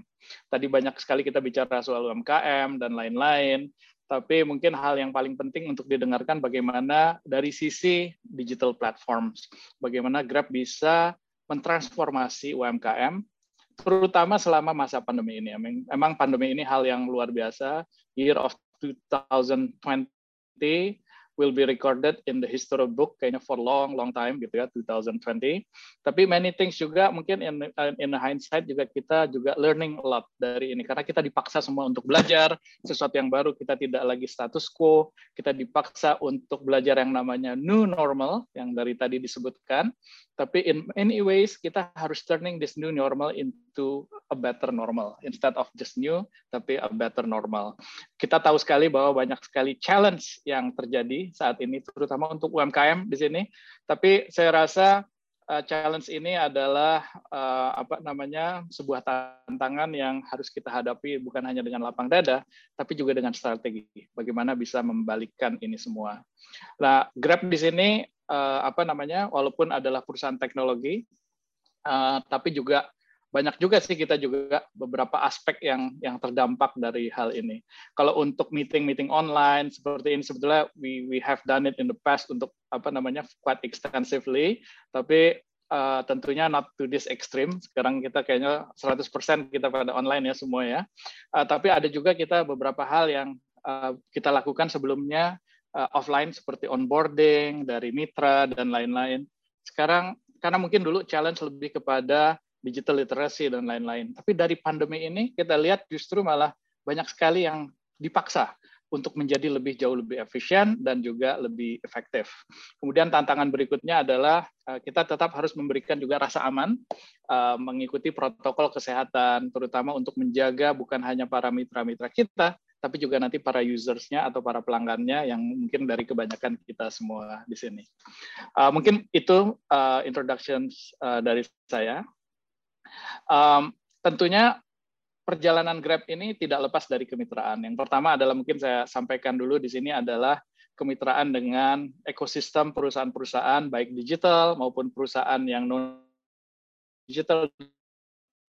Eh, kami sudah biasa banget bekerja sama dan lately uh, banyak sekali kerja terutama masa pandemi ini tentunya dengan kemudian juga Kementerian Sosial, Kementerian Pariwisata, Kemenko Perekonomian, Kemenko Maritim dan Investasi, bahkan sampai Kementerian ESDM pun kita lakukan kerjasama. Dan akhir-akhir ini bahkan kita bekerja sama dengan Kementerian Kesehatan uh, untuk melakukan uh, usaha pendorongan vaksinasi ya. Um, ini adalah hal-hal yang yang kita lakukan. Jadi bukan hanya dengan pemain industri, tapi juga pemerintah. Tentunya kita bermitra dengan rekanan-rekanan yang atau partner-partner yang terbaik di industri. Ujungnya apa sih sebetulnya? Ujungnya adalah supaya para users atau pelanggan bisa menikmati pengalaman yang terbaik di ekosistem dari teknologi kami, yaitu super app digitalnya Grab. Um, Next-nya adalah Uh, seperti yang kita ketahui tadi sudah dibicarakan bahwa UMKM adalah elemen penting untuk ekonomi nasional Indonesia. Kalau saya sebutin, maka UMKM ini adalah pahlawan-pahlawan ekonomi masa kini ya untuk Indonesia. Uh, mungkin kita harus me membuka atau meng, melihat lagi paradigma baru bahwa pahlawan bukan lagi yang bertempur di medan perang, tapi pahlawan adalah yang bertempur untuk ekonomi Indonesia. Uh, kita tahu sendiri tadi dari data-data Pak Ruli luar biasa sekali, tapi saya quote beberapa di sini bahwa uh, before the pandemi, 60% dari Indonesia GDP itu dikontribusikan oleh UMKM. Ini juga fakta bahwa 97% penyerapan untuk tenaga kerja ini juga datangnya dari UMKM. Ini membuktikan sekali lagi bahwa uh, luar biasa pentingnya dan benar-benar pahlawan ekonomi um, apa namanya UMKM ini. Hanya saja bicara soal resiliensi, terutama di masa pandemi ini, masih banyak PR untuk membuat UMKM-UMKM ini lebih tangguh lagi. Um, bahkan setelah didorong oleh program yang kita sebut uh, Bangga Buatan Indonesia bersama-sama dengan pemerintah, uh, baru 16 persen dari UMKM ini yang sekarang ini sudah digitized. Uh, selama pandemi ini, uh, Grab juga sudah membantu melakukan uh, apa namanya onboarding kepada banyak dari UMKM ini, bahkan lebih dari setengah juta UMKM sudah masuk ke dalam platform kami. Tapi UMKM ini bukan hanya meningkatkan resiliensi, resiliensi dengan digital ini bukan hanya dengan onboarding mereka. Apa saja sih yang bisa dilakukan? Ada beberapa hal yang ikut kami lakukan uh, dari Grab di sini untuk membantu mereka bukan hanya survive ya di sini ya, tapi adalah untuk membuat mereka justru jauh lebih tangguh dan bisa bangkit. Kita lakukan dengan beberapa teknologi kita dan layanan service kita. Uh, semuanya tentunya berfokus kepada pelanggan dan mitra. Kita lihat di dalam pandemi ini terjadi perubahan juga bagaimana behavior masyarakat. Kalau mungkin sebelum pandemi kebanyakan dari kita mungkin sebagai contohnya adalah untuk uh, apa namanya seminar ini kalau dulu kita berangkat dari point A atau point A sorry ke point B ya ya untuk menghadiri seminar ini. uh, coming the pandemic sekarang justru terbalik ya. Apa yang kita butuhkan di point B itu sebagai subjeknya justru dibawa ke point A di mana tempat kita berada. Jadi kita nggak lagi pergi ke uh, seminar, instead webinarnya kita bawa ke tempat kita. Demikian juga dengan barang-barang kebutuhan sehari-hari pun demikian dulu kita harus pergi ke satu tempat untuk membeli. Saat ini kita lebih cenderung untuk dikirim instead of kita pergi ke tempat sana. Tadi juga ada uh, pembicaraan, jadi bukan hanya apa namanya uh, bicara soal uh, masalah keinginan lagi, tapi udah lebih pada kebutuhan. Dan tentunya dengan teknologi yang kita miliki, Grab menghadirkan beberapa uh, layanan di sini. Ada layanan GrabMart untuk uh, kebutuhan sehari-hari, ada juga layanan Grab Assistant. Nah, Grab Assistant ini adalah salah satu produk atau layanan yang kita luncurkan sebagai transisi untuk UMKM UMKM yang belum fully masuk ke dalam uh, digital platform. Nah, next. Nah, untuk slide berikutnya, tentunya yang penting adalah bagaimana kita melakukan uh, transisi ini, jembatan. Nah, ini adalah salah satu contoh di mana uh, transisi dari UMKM ini dilakukan kepada digital tanpa yang bersangkutan harus fully onboarded ke digital dulu. Karena mungkin ada masalah digital literacy, kemudian mungkin investasi untuk device yang mungkin memerlukan modal tambahan dan lain-lain. Apa yang kami lakukan di sini adalah membuat mereka di-enabled di layanan Grab Assistant. Ya, Bu Nur Lela ini adalah salah seorang pedagang di pasar Kuala Berkah Medan. Jadi ada pasar basah ya kalau di Medan ya. Uh, apa yang dilakukan adalah kami melisting uh, pasar tersebut di dalam uh, map kami untuk layanan Grab Assistant. Sehingga apa? Sehingga para pelanggan bisa melakukan pembelian kepada pasar tersebut tanpa harus di listing. Jadi uh, menggunakan mitra pengemudi kami, kemudian melakukan order, kemudian pembayarannya juga bisa dilakukan melalui apa namanya cashless, kemudian dilakukanlah belanja di pasar tersebut. Uh, melalui metode ini terjadi kenaikan sejak pandemi yang tadinya turun luar biasa dari apa namanya pendapatan, uh, sorry penghasilan dari para mitra-mitra ini sekarang menjadi naik lagi sebanyak 40 persen. Dan apa namanya? Terima kasih juga tentunya bukan hanya kepada uh, apa, layanan platform atau teknologi ini, tapi juga kepada para pelanggan yang tentunya bisa adjusting kepada layanan ini dan membantu para UMKM UMKM yang mungkin belum fully onboarded kepada digital. Nah, yang berikutnya adalah kita hadirkan lagi salah satu layanan untuk mempercepat onboarding uh, para mitra-mitra UMKM ini kita memiliki ada sebuah uh, layanan yang kita sebut dengan Grab Merchants. Dengan Grab Merchants ini uh, protokol kesehatan bisa dijalankan. Mungkin next slide, uh, Billy. Protokol kesehatan bisa tetap dijalankan. Kemudian juga uh, efisiensi juga ada di sana, sehingga para merchants tidak perlu lagi harus datang lagi untuk mendaftarkan uh, apa namanya dirinya. Jadi mereka bisa lalu melalui aplikasi ini di-download saja kemudian melakukan registrasi, ada self onboarding di situ, kemudian juga bisa melakukan manajemen dari bisnisnya dengan sangat uh, mudah di sini. Karena Grab Merchant ini memiliki fungsi-fungsi yang bisa membantu mitra-mitra. Uh, mitra-mitra merchant di sini ya. Jadi bukan hanya penjualan, tapi juga bisa membuat iklan online. Jadi iklan online yang mulai dari paket uh, apa namanya free sampai kepada paket-paket yang harian yang mungkin sangat terjangkau yaitu uh, tidak lebih mahal dari 50.000 per hari. Kemudian bisa mengedit menu, uh, mengelola uh, apa namanya target pasarnya, bahkan juga dengan solusi mitra ada fitur di situ bisa memungkinkan para merchant UMKM bisa memperoleh layanan pihak ketiga dengan harga lebih terjangkau. Ada kemasan makanannya percetakan POS online jasa pembersih kredit pinjaman dan lain-lain. Dan yang luar biasanya adalah layanan-layanan dari fitur tambahan ini disediakan juga oleh startup-startup uh, Indonesia yang kami nurture atau bina dari program kami pembinaan startup yang kita sebut dengan Grab Ventures uh, Velocity. Jadi ini kita bangun ekosistem selain UMKM-nya, tapi juga bangun ekosistem dari startup-nya untuk kita sediakan platformnya untuk bisa memberikan solusi untuk bisa membuat para UMKM ini jauh lebih tangguh lagi. Nah, uh, bagian dari usaha UMKM ini kita uh, nama kita berikan program campaign yang kita sebut dengan uh, program terus usaha. Um, bagaimana program terus usaha ini mungkin kita saksikan dulu um, video singkat berikut ini.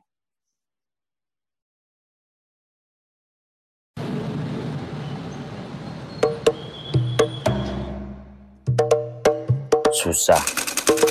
Kau penuh hikmah. Karena kau, kita jadi lebih berani mencoba. Membangun, menciptakan semua yang belum pernah dicoba. Karena susah, kita nekat berinovasi, membuka mata, telinga, dan pikiran untuk lebih mengerti, terinspirasi, bahkan sampai lebih sering berbagi. Susah, kau adalah proses pendewasaan di tiap kerasnya usaha kita. Dan dari menelan semua pengalaman yang kau berikan, kita tidak akan berhenti. Terus bergerak untuk mengubah susah jadi mudah.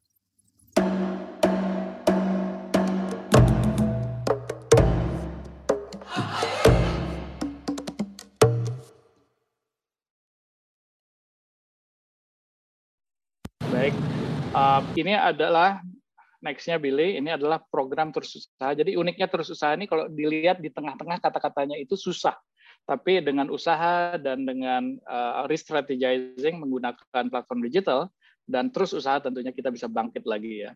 Ada beberapa program dari terus usaha ini kita luncurkan di 12 kota secara official tapi di seluruh kota di Indonesia.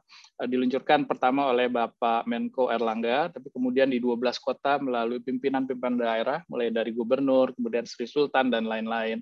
Di sini ada portal informasi di Grab for Good, ada pelatihan dan seminar, ada program juga bazar online, dan tentunya pengenalan aplikasi Grab Merchant dan Grab Kios. Tadi Pak Teguh sempat sebutkan bagaimana uh, para mitra mitra mungkin yang uh, UMKM yang tergabung dalam kategori misalnya warung dan lain-lain bagaimana mereka bisa bangkit kita punya programnya itu Grab Kios mereka bukan hanya dikenalkan oleh produk-produk digital tapi juga produk-produk inovatif ya yang bisa mereka tawarkan di lingkungan sekitarnya. Seperti misalnya uh, tabungan emas lalu juga uh, pengiriman uang ke kota lain melalui mitra-mitra Grab Kios dan masih banyak lagi. Uh, lalu berikutnya adalah sebagai bagian dari komitmen Grab untuk mendukung UMKM ini, baru aja di tahun lalu di 10 November 2020 kami meluncurkan Grab Tech Center. Grab Tech Center ini kita luncurkan di Jakarta sebagai bagian dari komitmen Grab untuk mendorong pertumbuhan ekonomi digital di Indonesia. Mungkin silakan di next, uh, Billy. Jadi kehadiran Grab Tech Center ini memang benar-benar uh, kita tujukan untuk pengembangan teknologi khusus untuk UMKM bukan hanya di Indonesia tapi juga di seluruh um, Asia Tenggara ya Pak Pak Zainul Rashid um, ini juga bagian dari usaha kami untuk pengembangan UMKM. Uh, kita buat di sini bukan hanya ada R&D center tapi juga ada forum atau tempat untuk sama-sama bertukar pikiran. Nanti Pak Teguh ketika uh, kita sudah bisa pakai lagi fasilitas ini post dari apa namanya uh, uh, re, apa restriksi dari apa namanya uh, apa pandemi ini kita bisa pakai tempat ini karena kita sudah punya tempat yang kita namakan BJ Habibie Hall. Dan ini juga diresmikan bersama delapan menteri waktu itu 10 November oh, 2020 siap. dan Pak Ilham Habibie juga hadir karena ini menggunakan nama dari Pak BJ Habibie ya di sini ya. Mudah-mudahan ini bisa membawa banyak manfaat. Uh, demikian tapi sebelum saya tutup saya ingin memutar sekali lagi sebuah video. Video ini bercerita tentang Bapak Cahyo Widodo. Bapak Cahyo Widodo ini mewakili yang tadi Pak Teguh sempat bilang ya, tidak mau saya silakan. Um, dia adalah mitra agen di Salatiga, mitra agen Grab Kios di Salatiga. Uniknya adalah beliau memiliki keterbatasan fisik. Jadi salah satu hal yang penting dari UMKM adalah inklusif. Bukan hanya wanita, tapi kita juga melihat sekarang ke arah lansia, kemudian yang tentunya people with disability, bahkan yang terakhir kita juga lihat ex narapidana, yang mana mereka harus tetap mandiri. Dan uniknya dari digital adalah orang tidak melihat perbedaan itu. Masing-masing punya kesempatan untuk bersaing, untuk bisa mendapatkan hati dari masyarakat, untuk memenangkan pelanggannya. Untuk itulah kami hadirkan ini. Dan uh, marilah kita lihat video dari Bapak Cahyo Widodo ini. Terima kasih.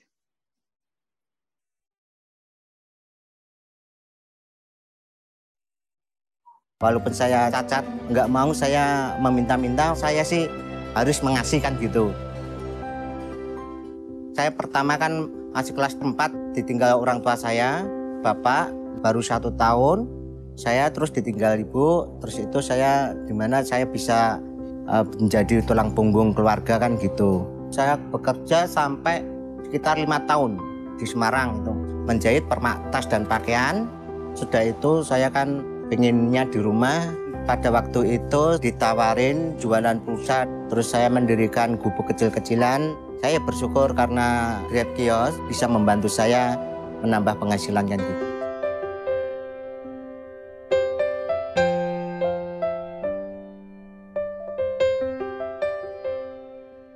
Saya dulu pas pada waktu kecil itu saya mau jajan aja saya mencari batu itu kan saya kecil-kecilin itu nanti dijual kalau udah laku uang saya buat jajan ya untuk lain-lainnya kan gitu. Ke depannya itu biar anak dan istri saya apa yang diinginkan supaya kecapean gitu. Walaupun saya sakit cacat, tapi cita-cita saya menjadi orang nggak mau saya meminta-minta. Kalau bisa saya sih harus mengasihkan gitu.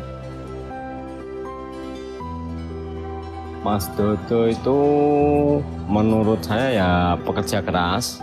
Uh, terus walaupun dulu buka warung, uh, terus bangkrut, buka lagi, bangkrut lagi sampai beberapa kali. Terus akhirnya dia permaktas sambil jualan pulsa, uh, segala macam, terus jualan sembako. Akhirnya dia ada kemajuan, terus uh, bisa membantu saya dan bisa menjadi tulang punggung keluarga yang sangat baik.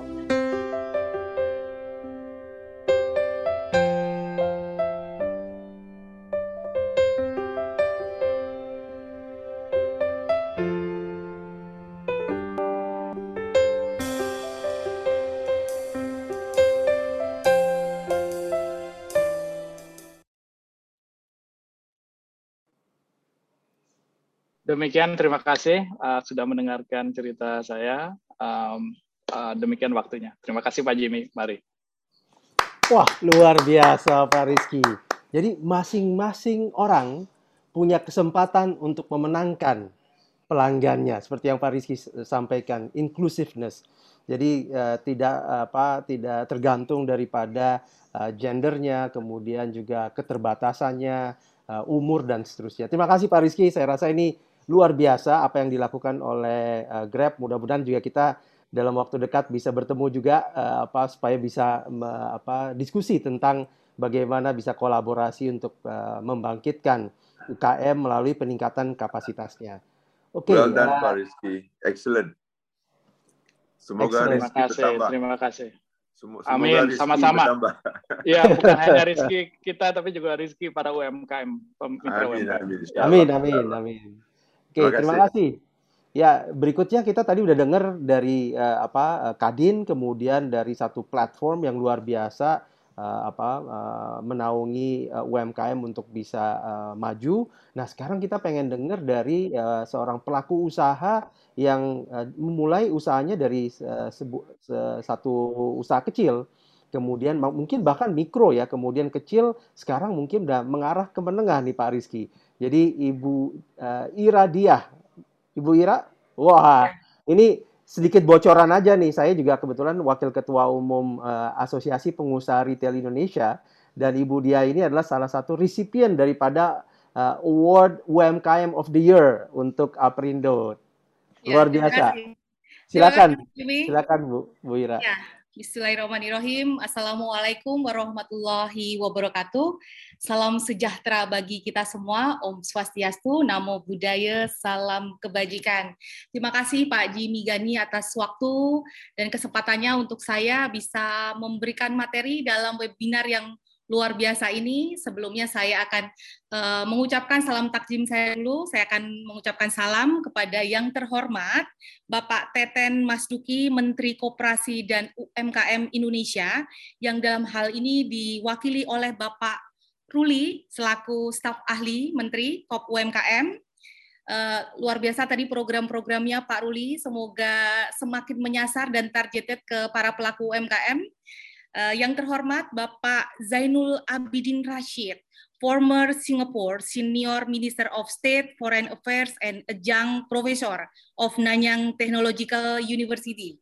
Yang kami hormati Bapak Rizky Kramadi Brata, Presiden of Grave Indonesia, yang kami hormati Bapak Teguh Ananta Wikrama, Acting Vice Chairman of Kadin on MSMEs, yang kami hormati juga Bapak Dr. Justin Ma, Principal Consultant or Enterprise Innovation Specialist, yang kami hormati tentunya Bapak Jimmy Gani, Founder and CEO Orbitin, dan seluruh jajaran CEO jajaran Orbitin yang luar biasa, dan yang kami hormati Ibu Hajah Yuyun Rahayu, Ketua Wanita Bekasi Keren, dan seluruh sahabat-sahabat saya semua di WBK, dan tentunya seluruh tamu undangan dan para pelaku UMKM peserta webinar di seluruh Indonesia dan di mana pun berada yang tidak bisa saya sebutkan satu persatu.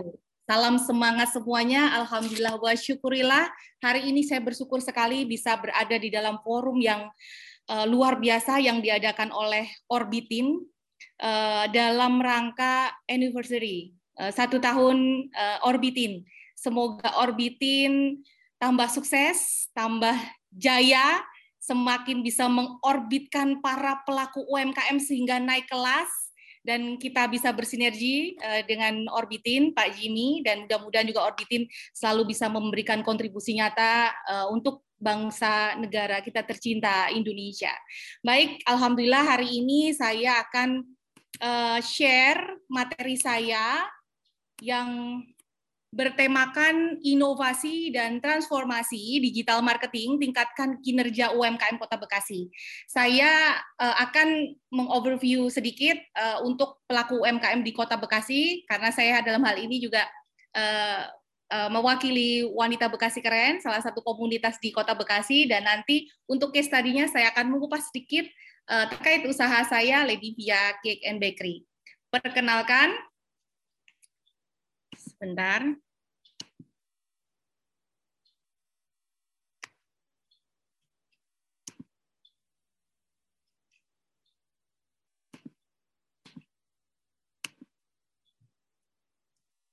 Uh, sebentar.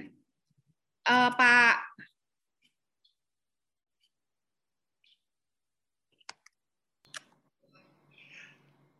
Uh, Pak Raifin mungkin bisa dibantu.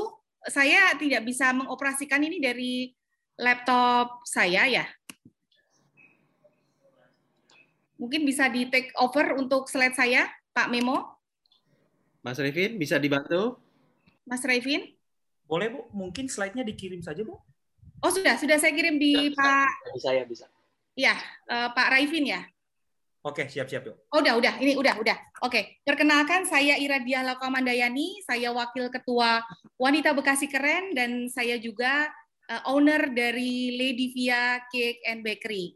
Nah, ini saya akan mengoverview sedikit. Kami di Kota Bekasi ada 12 kecamatan, uh, dan di UMKM kami terbagi menjadi 12 klaster UMKM. Makanan dan minuman, boneka, sandal tas dompet dan gesper, ini disingkat dengan Santa Doges, kemudian fashion, handicraft, furniture, bordir, tanaman hias, pertanian, peternakan, ikan hias, dan uh, jasa lainnya. Uh, sebentar, ini ini berbentuk PDF atau mungkin bisa dibantu saja ya untuk apa? Uh, dibantu Pak Memo ya. Maaf Bu. Bisa Ya. dibantu sama Mas Rifin mungkin? Yang di share juga PDF ke saya. Maaf. Ya. Nggak apa-apa PDF tapi di full screen aja.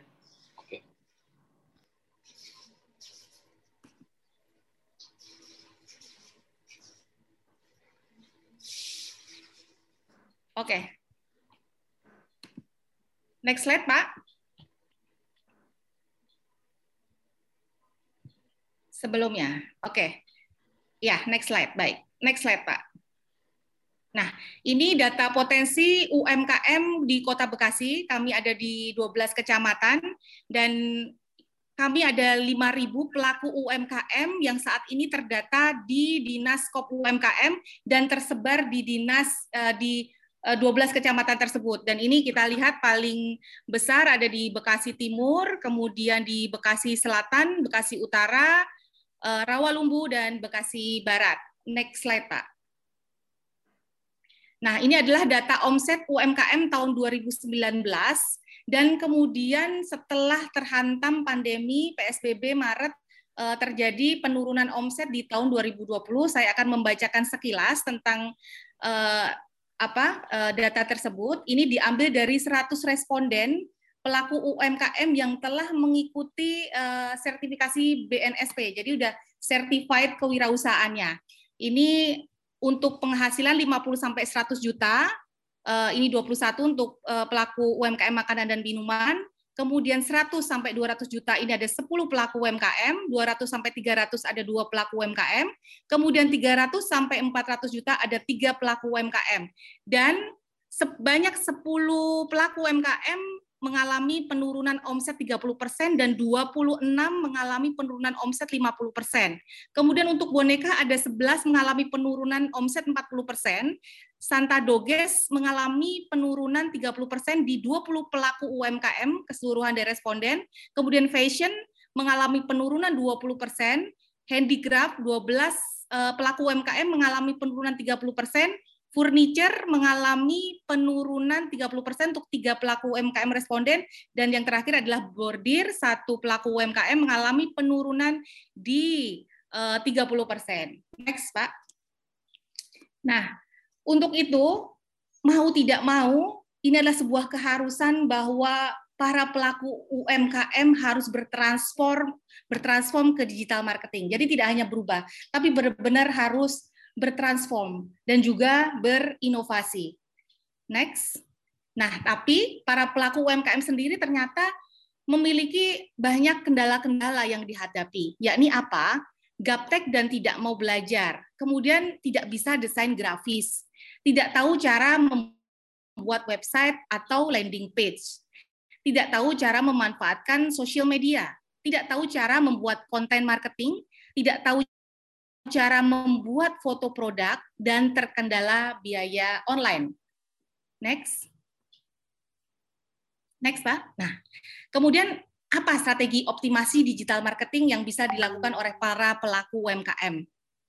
Para pelaku UMKM harus mengoptimalkan penggunaan handphone mereka untuk foto produk, untuk berjualan, dan sebagainya. Kemudian membuat website, landing page, pemakaian Google Businessku, kemudian bisa memanfaatkan social media marketing yang mungkin tidak berbayar dahulu, kemudian marketplace eh, marketing Tokopedia, Bukalapak, Shopee, dan juga bekerja sama dengan GoFood atau GrabFood. Next. Next, Pak. Oke, nah ini adalah program-program optimasi potensi UMKM yang telah dilakukan oleh Pemda Kota Bekasi dan Wanita Bekasi Keren. Next. Yang pertama adalah bekasimat.id. Bekasimat ini adalah sebuah sarana yang dimiliki oleh Pemda Kota Bekasi untuk menjawab perkembangan pasar digital dan beralihnya perilaku konsumen. Jadi ini adalah sebuah marketplace milik Pemda Kota Bekasi untuk pasar digital UMKM Kota Bekasi dalam menumbuh kembangkan UMKM eh, dan kooperasi dengan merubah perikalanan konvensional dengan pemasaran jejaring multi channel untuk meningkatkan pendapatan penjualan dan persaingan usaha dengan perusahaan menengah dan besar. Next. Nah, keunggulannya apa? Keunggulannya gratis, kemudian auto connection ke website member, auto connection ke medsos member, news sekitar Pemkot, informasi ekspor dari Kementerian Perindustrian dan BPII, informasi pelatihan dan seminar, informasi ekspor dan pameran dari kedutaan luar negeri, pelatihan UMKM gratis oleh Pemkot Bekasi. Next. Nah, ini adalah tampilan dari uh, Bekasi Mart. Ini ada produk-produk dari uh, pelaku UMKM kami. Ini juga ada beberapa eh, info-info terkait dengan webinar dan sebagainya. Next, Pak. Nah, yang kedua adalah penggunaan marketplace sebagai sarana promosi dan penjualan online. Jadi Pemda Kota Bekasi dan komunitas-komunitas bekerja sama dengan marketplace untuk memberikan pelatihan-pelatihan kepada para pelaku UMKM dalam uh, dalam dalam hal untuk supaya mereka bisa menjadikan ini adalah sarana promosi dan penjualan online. Next.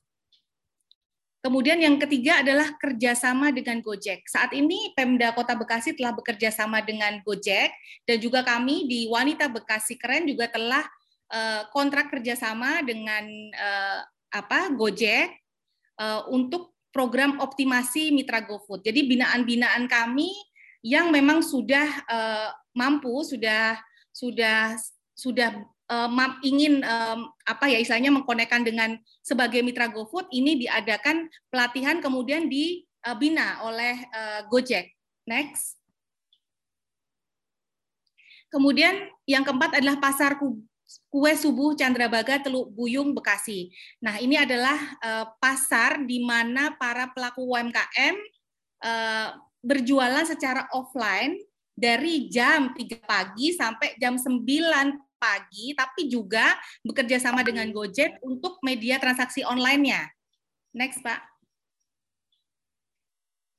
Nah, kemudian selanjutnya adalah media video conference webinar UMKM. Ini adalah beberapa webinar yang sudah diselenggarakan oleh Pemda, komunitas kami juga Wanita Bekasi Keren, dan juga saya sendiri sebagai pelaku UMKM beberapa kali juga uh, diminta untuk mengisi beberapa webinar untuk sharing bagaimana survive uh, di masa pandemi next.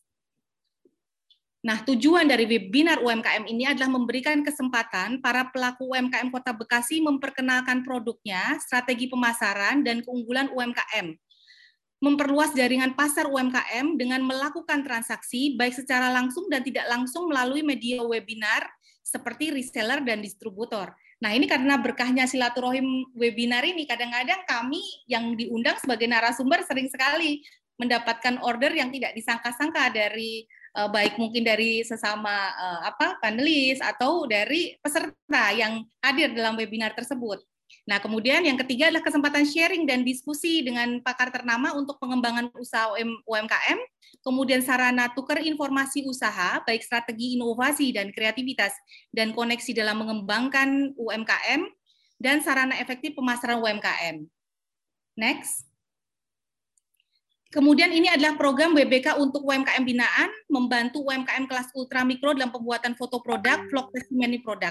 Jadi para pelaku UMKM ini banyak sekali yang belum bisa uh, foto produk secara bagus. Padahal untuk bisa masuk ke digital marketing ini, foto-foto ini harus baik. Sehingga kami di WBK kemudian terjun langsung ke pelaku UMKM untuk uh, apa foto produk, kemudian vlog testimoni produk, dan kami share di IG WBK Official, dan kemudian juga kami uh, berjualan produk binaan Sabtu Minggu melalui WA Group, dan juga ada pelatihan keamanan pangan, SPIRT, dan sertifikasi halal untuk meningkatkan uh, daya saing produk. Sehingga ketika produk-produk binaan kami di-share di medsos, ini sudah tampilannya bagus, kemudian juga telah tersertifikasi ya, jadi sudah ada perizinan.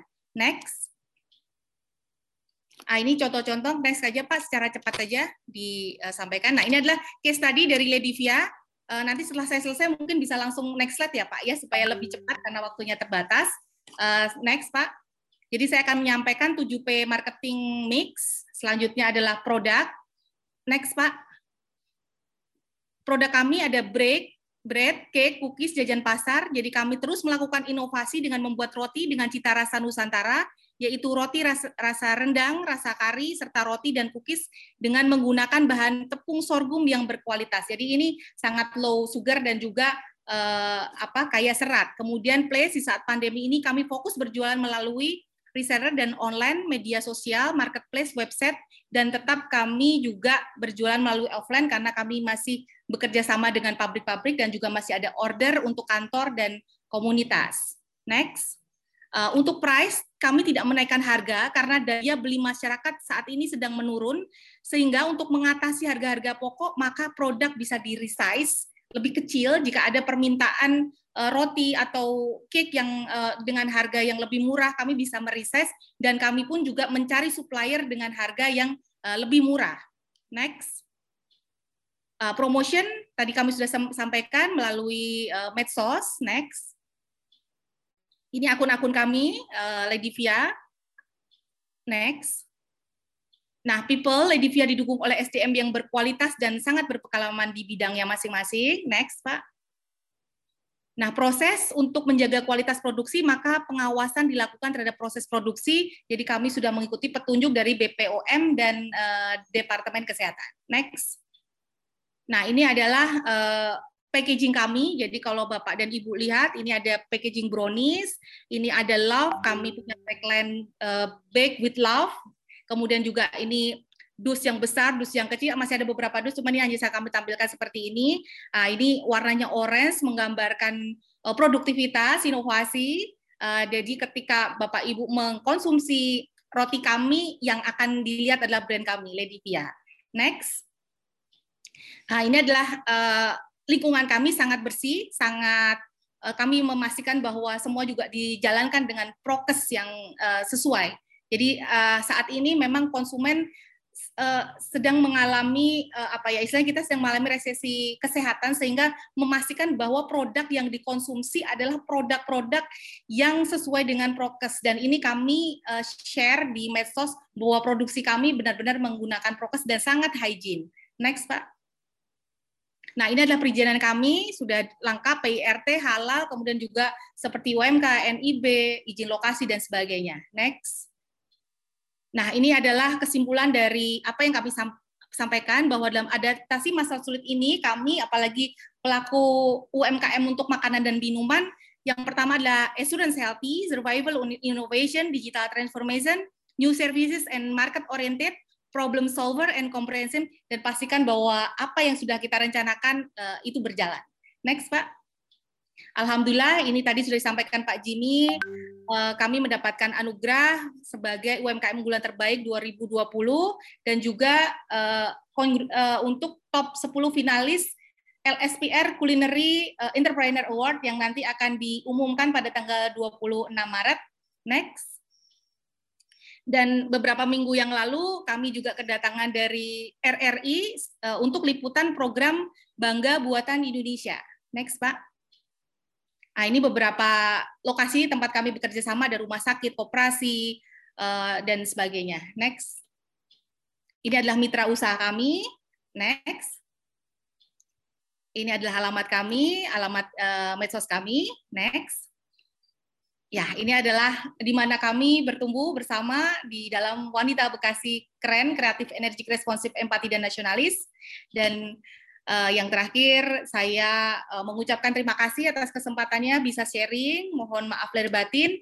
Semoga sedikit yang kami sampaikan ini sebagai bentuk surviving kami, bagaimana mempertahankan usaha kami dan juga kami ingin memberikan motivasi. Artinya kami tidak ingin membuat bahwa pandemi ini sebagai masalah justru kami ingin menjadi problem solver dalam masa pandemi ini. Mungkin yang sedikit ini mungkin bisa bisa kami kami share dan mudah-mudahan bisa bermanfaat. Terima kasih Pak Jimmy atas waktunya.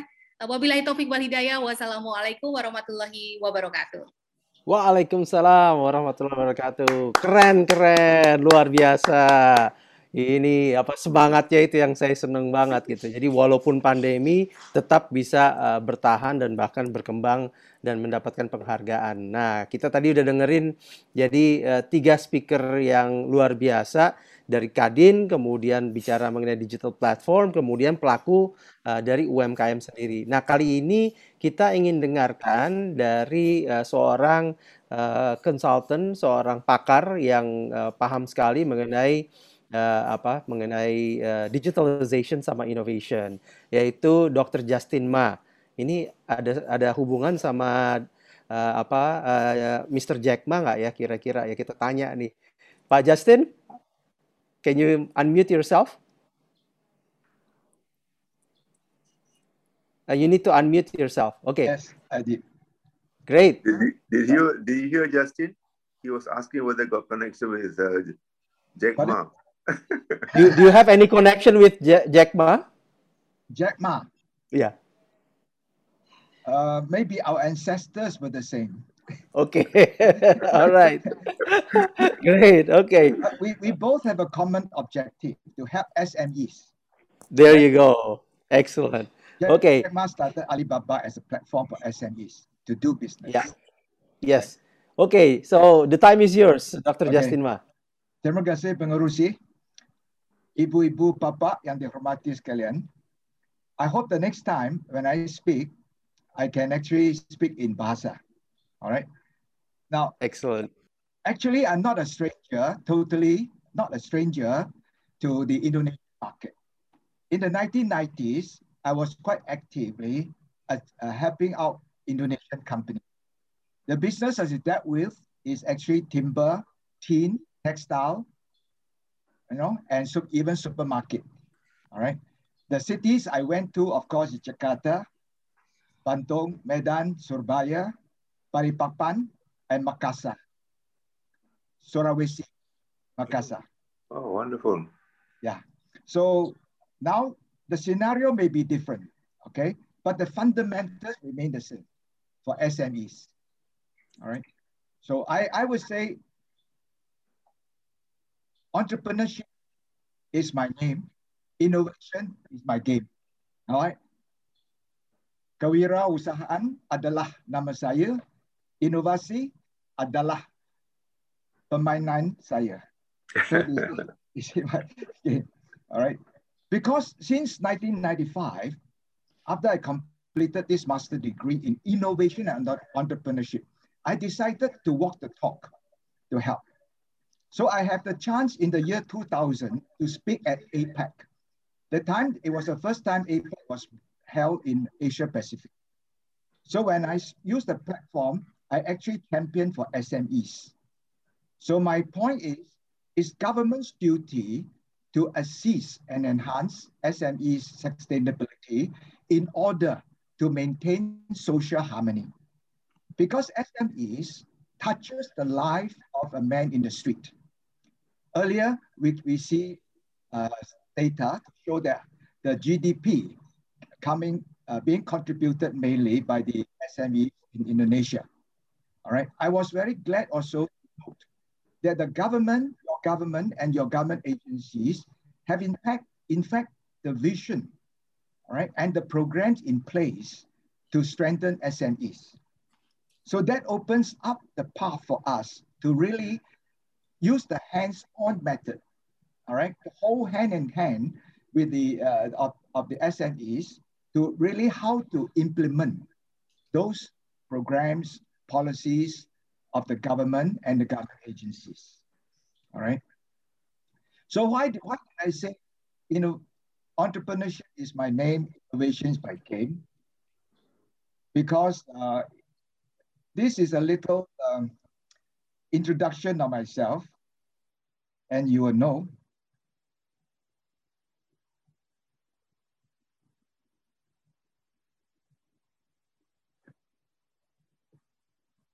So I, I call myself a holistic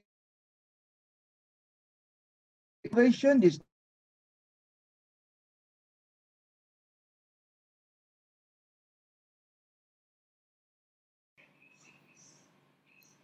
Dr. Justin Ma?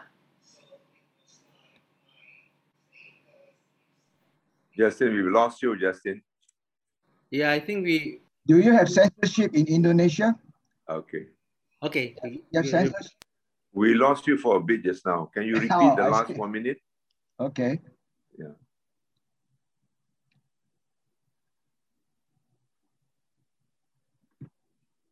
All right. So innovation, I remember when I first innovation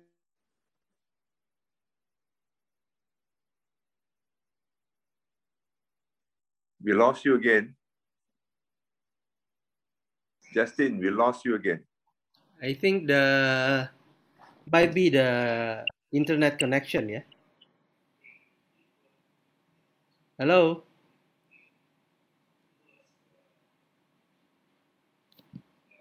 Dr. Justin?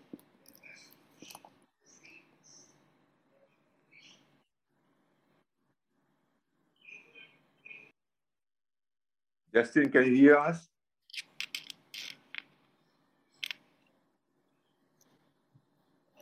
Yeah, it's uh hello. Justin, we've lost you again. Yeah, I, I think we lost him. Okay, uh, while we're waiting for him, we can actually uh, look at uh, some questions. Yeah, I think that's a good Okay, idea. he's back. He's back. He's back? I don't know why twice twice it says here that uh, I was cut out of. You know. Yeah. So anyway, We, we- shouldn't. I, I think. I think Jimmy shouldn't have mentioned Jack Ma just now. really uh, under censorship. Uh, Go ahead if you have uh, your share. Okay. Go ahead, Justin. Okay. So when I first introduced innovation, a lot of SMEs thought that it was like a dinosaur. They feel that SMEs are meant for big companies with huge resources. Actually, to the contrary, innovation is particularly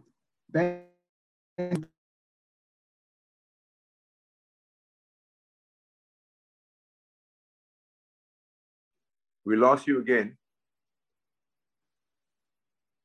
Justin, we lost you again. I Can think you hear me now? yes, yes. I don't know why they say I, I was I was cut off from Zoom. No, I think it's your uh, internet connection. No, it's quite full now. All right. Okay, carry on. Go ahead.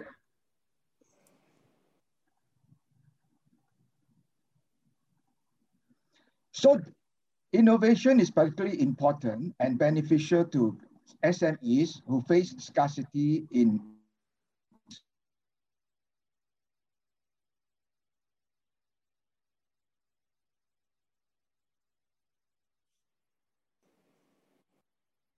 Justin, we lost you. Let me check. Okay, uh, let me check also if we can. Justin, uh, are you using laptop? Do you think should change the media? Try some, another media, whether mo- mobile phone or, or another laptop.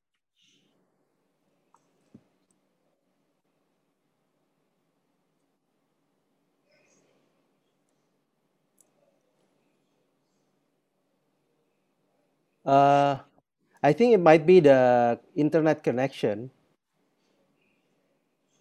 We we lost him totally now. Yeah. Okay, let's uh, let's uh, uh, wait for him to come back. Yeah. But Maybe we can uh, start with the question answer. yes, uh, let's let's. Uh, okay, apakah Pak Ruli masih ada di sini? Masih, masih, Pak. Oke, baik Pak. Mudah-mudahan tadi eh, apa eh, bermanfaat ya Pak Ruli ya. Ini ada kayaknya ada pertanyaan yang banyak sekali nih untuk Pak Ruli. Nanti eh, kita pilihin Pak. Tapi saya mau coba untuk eh, ambil satu ini eh, apa? eh, kalau roadmap saya rasa akan panjang untuk didiskusikan. Eh, boleh nggak share sedikit Pak bagaimana kira-kira eh, mengeksekusi program-program yang ada di UMKM supaya di lapangan supaya bisa lancar gitu Pak. Ada kiat-kiat khusus gitu Pak Ruli? Coba saya coba share ya. Ya, silakan Pak. Bisa terbaca ini? Ini bisa kelihatan, Pak? Belum, belum. Belum ya? Ya. Bentar, Pak.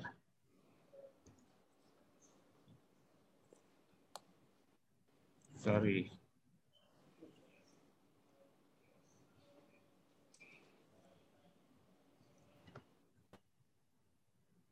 Bentar Pak ya. Jadi kemarin juga saya ada paparan yang mungkin terkait dengan Nah, ini udah terlihat, Pak? Iya Pak, udah mulai ini. Ya, Udah kelihatan, Pak? ya silakan Pak. Sorry.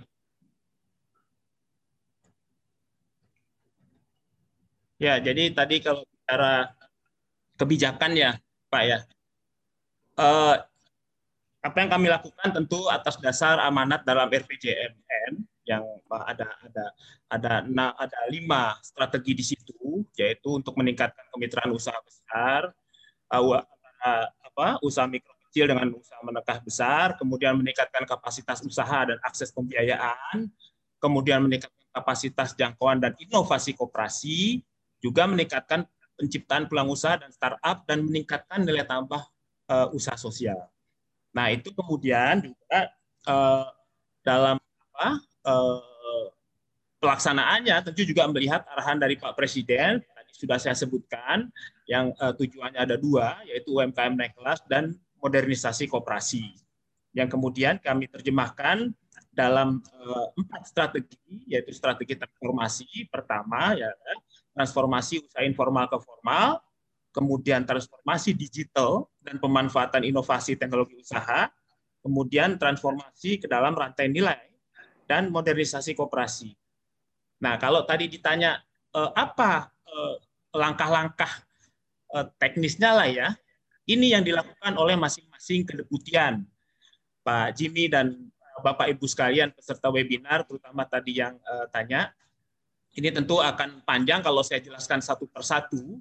Hanya memang dalam pelaksanaannya tentu sekali lagi kami bersinergi dengan dengan uh, semua pihak, dengan lintas KL tadi Pak Teguh dari Kadin sudah sampaikan akan menyusun apa eh, tadi yang disampaikan eh, yang disebut sebagai complete eh, ecosystem of SMEs. Tentu kami yang ini sejalan dengan yang sedang kami lakukan. Kita juga apa membangun kerjasama dan dalam rangka pelaksanaan Undang-Undang Cipta Kerja juga di situ sudah bicara mengenai database ya database yang diterjemahkan kalau saya boleh eh, sampaikan melalui Undang-Undang Cipta Kerja itu nanti yang jadi wali data adalah eh, Kementerian Koperasi dan UKM. Walaupun yang melakukan pendataan boleh di uh, pihak lain, utamanya BPS misalnya. Tapi kami sebagai wali data. Artinya memang yang tadi Pak Teguh sampaikan keberserakan apa program-program pemberdayaan UKM yang ada di 20 KL tadi akan kita sinergikan, koordinasikan dengan lebih baik dan basic utamanya yang harus kita perbaiki adalah eh, basis data. Karena basis data yang baik ini akan akan mendukung sekali kebijakan yang nanti lebih tepat sasaran seperti itu. Nah, dari sisi uh, apa yang sudah dilakukan, intinya begini Pak Jimmy dan Bapak Ibu sekalian. Uh, misalnya tadi disampaikan uh, apa membangun memberdayakan uh, yang berrelated dengan ketahanan pangan.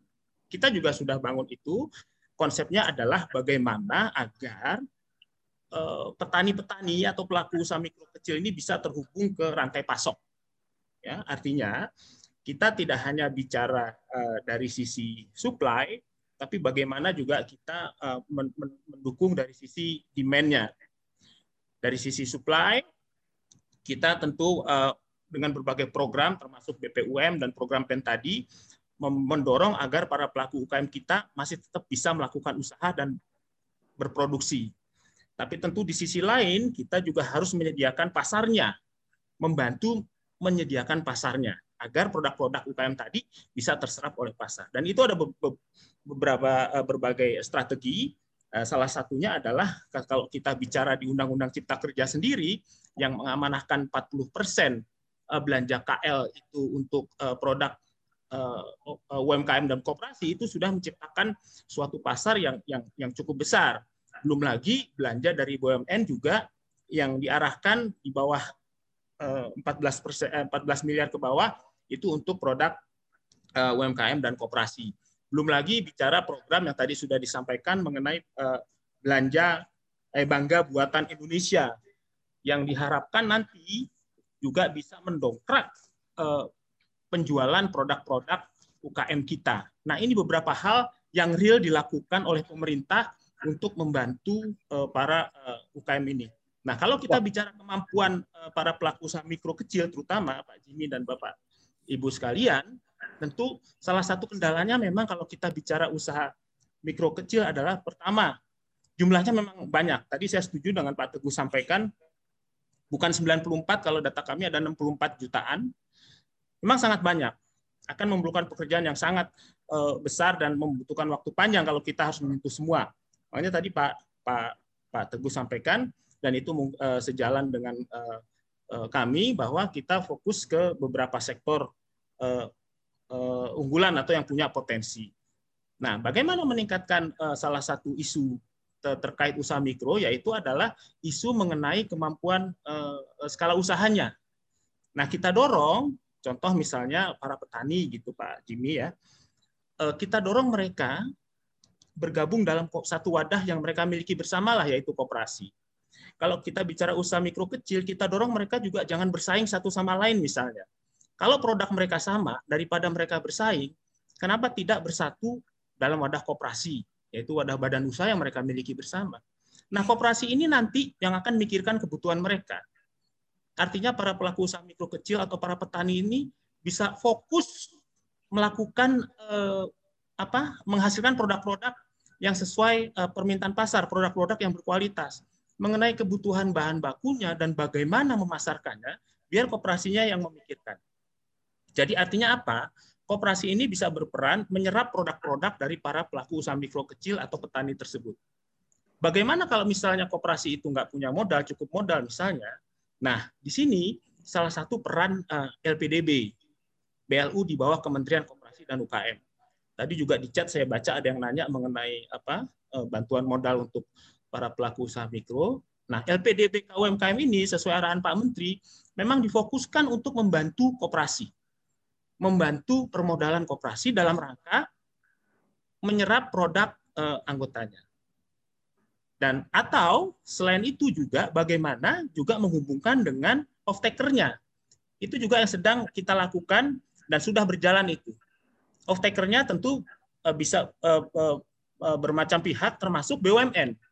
Itu yang kita dorong sinergi seperti itu Pak Jimmy. Jadi kita tidak hanya Wah. bicara satu sisi tapi dari hulu sampai hilir. Bicara sisi supply dan bicara uh, sisi demand. Gitu Pak Luar Jimmy. biasa. Makasih Pak. Luar biasa ya. Jadi mulai value chain-nya itu masuk semua Pak ya. Dari ya. input sampai output ya. Terima kasih banyak uh, Pak Ruli ini luar biasa. Nah, uh, kalau melihat itu, mungkin kita beralih ke Pak Zainul, uh, Pak Zainul Abidin Rashid. Uh, is there any difference between how the the government, pemerintah di Indonesia ini kan lagi melakukan banyak uh, apa uh, bantuan kepada uh, UMKM. Obviously lebih banyak UMKM Indonesia ya dan 64 juta daripada mungkin di Singapura orangnya aja nggak sampai gitu 64 juta. Tapi uh, you you see fundamental difference between uh, how uh, it's being done di Indonesia sama di I uh, suppose, di Yeah, I, I suppose clearly is is no comparison because Singapore is a small city state, satu negara yang agak kecil berbanding dengan Indonesia. Kalau banding dengan Jakarta juga mungkin Jakarta lebih besar jumlah penduduknya. Mungkin sama Bekasi ya Pak. Bekasi itu 5 yeah. juta orangnya kayaknya. Yeah, I can see just now Pak Ibu Ira buat presentation tentang jumlah orang yang terlibat itu begitu, begitu besar sekali. Jadi uh, tapi prinsipnya saya kira tidak jauh beda, uh, tidak lari dan uh, kita harus lihat pada prinsip pendekatannya itu. Because I always believe, saya percaya ya, there is no one size fits all. Ya, jadi masing-masing kena cari jalan yang sesuai untuk keperluan masing-masing. Kerana tahap, uh, saya juga baru menghadiri satu uh, conference yang dianjurkan oleh National Center for Public Administration di NTU, di mana dibincangkan tentang transnational learning. Transnational learning. Jadi hubungan yang dibuatkan dalam bidang ini juga bidang uh, SMEs, bidang uh, innovation, transfer of knowledge and development antara Singapura, Singapura, eh, China dengan Singapura, China dengan Afrika, ataupun China dengan negara-negara lain seperti Thailand, seperti dengan uh, Malaysia, Indonesia kan mereka buat perbandingan dan there's no one size fits all. Ini antara translational learning yang perlu disesuaikan, disesuaikan untuk keperluan negara masing-masing. Jadi there are lessons we can learn from there. In fact, uh, when we look dari segi transfer of knowledge ini, uh, kita lihat bahawa negara-negara Asia makin makin maju umpamanya Korea, Jepang, eh, Jepang, uh, China juga sekarang ini dan uh, Singapura ya. Jadi banyak juga usaha-usaha untuk yang bisa dipelajari di antara satu sama lain dan masing-masing mempunyai pendekatan yang berbeda.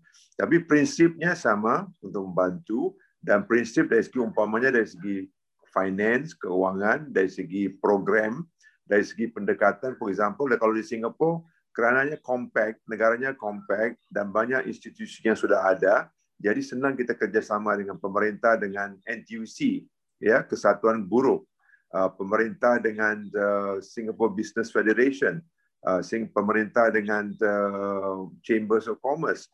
Jadi semua ada tu. Saya tapi saya lihat Indonesia juga banyak juga uh, kerjasama yang sudah dijayakan. Jadi boleh masih kita pelajari antara satu sama lain insyaallah. Terima kasih Pak Pak Zainal. Ya, Jadi saya ya. rasa UMKM memang menjadi satu uh, apa fokus bagi uh, negara-negara uh, di mana pun karena apalagi sekarang ini memang UMKM itu mendapatkan uh, cobaan yang luar biasa gitu ya dari pandemi ini Uh, terjadi drop dari demand kemudian dari supply side juga uh, tentunya uh, terpengaruh. Saya rasa, Ya. duh ini sayang sekali Dr. Justin Ma belum uh, bisa hadir. Belum disambung ya, belum dapat Iya, disambung. dan kita nampaknya waktunya juga sudah Ya uh, sudah apa, lewat. ya. Sudah lewat. Jadi mungkin uh, begini karena kita uh, Pak Ruli berkena apa kita rencananya akan melakukan uh, webinar series. Jadi Ya. ini merupakan satu masukan-masukan untuk orbitin maupun juga untuk ekosistem yang sedang kita bangun. Kita sama Kementerian UMKM juga udah ini yang ketiga kali saya rasa bareng Ya. sama ADB sama Aprindo dan insya Allah nanti kita akan teruskan lagi uh, Ya. diskusi-diskusi lanjutan sehingga Ya, kita ya. nanti akan ada mungkin satu program yang kita harapkan bisa coba uh, uh, kerjasamakan dengan Kadin, dengan pemerintah, dengan Ya, komunitas, ya. dengan mahasiswa. Saya rasa uh, itu yang bisa kami sampaikan. It's exactly 3:15. Ya.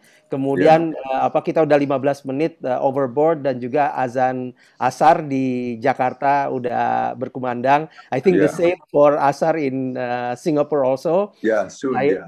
Ya, yes, ya. so saya uh, mohon maaf uh, bahwa uh, Dr. Justin Ma uh, tidak bisa presentasi hari ini, tapi nanti kita akan uh, undang kembali Dr. Justin Ma untuk bicara khusus uh, dengan beberapa pembicara tambahan.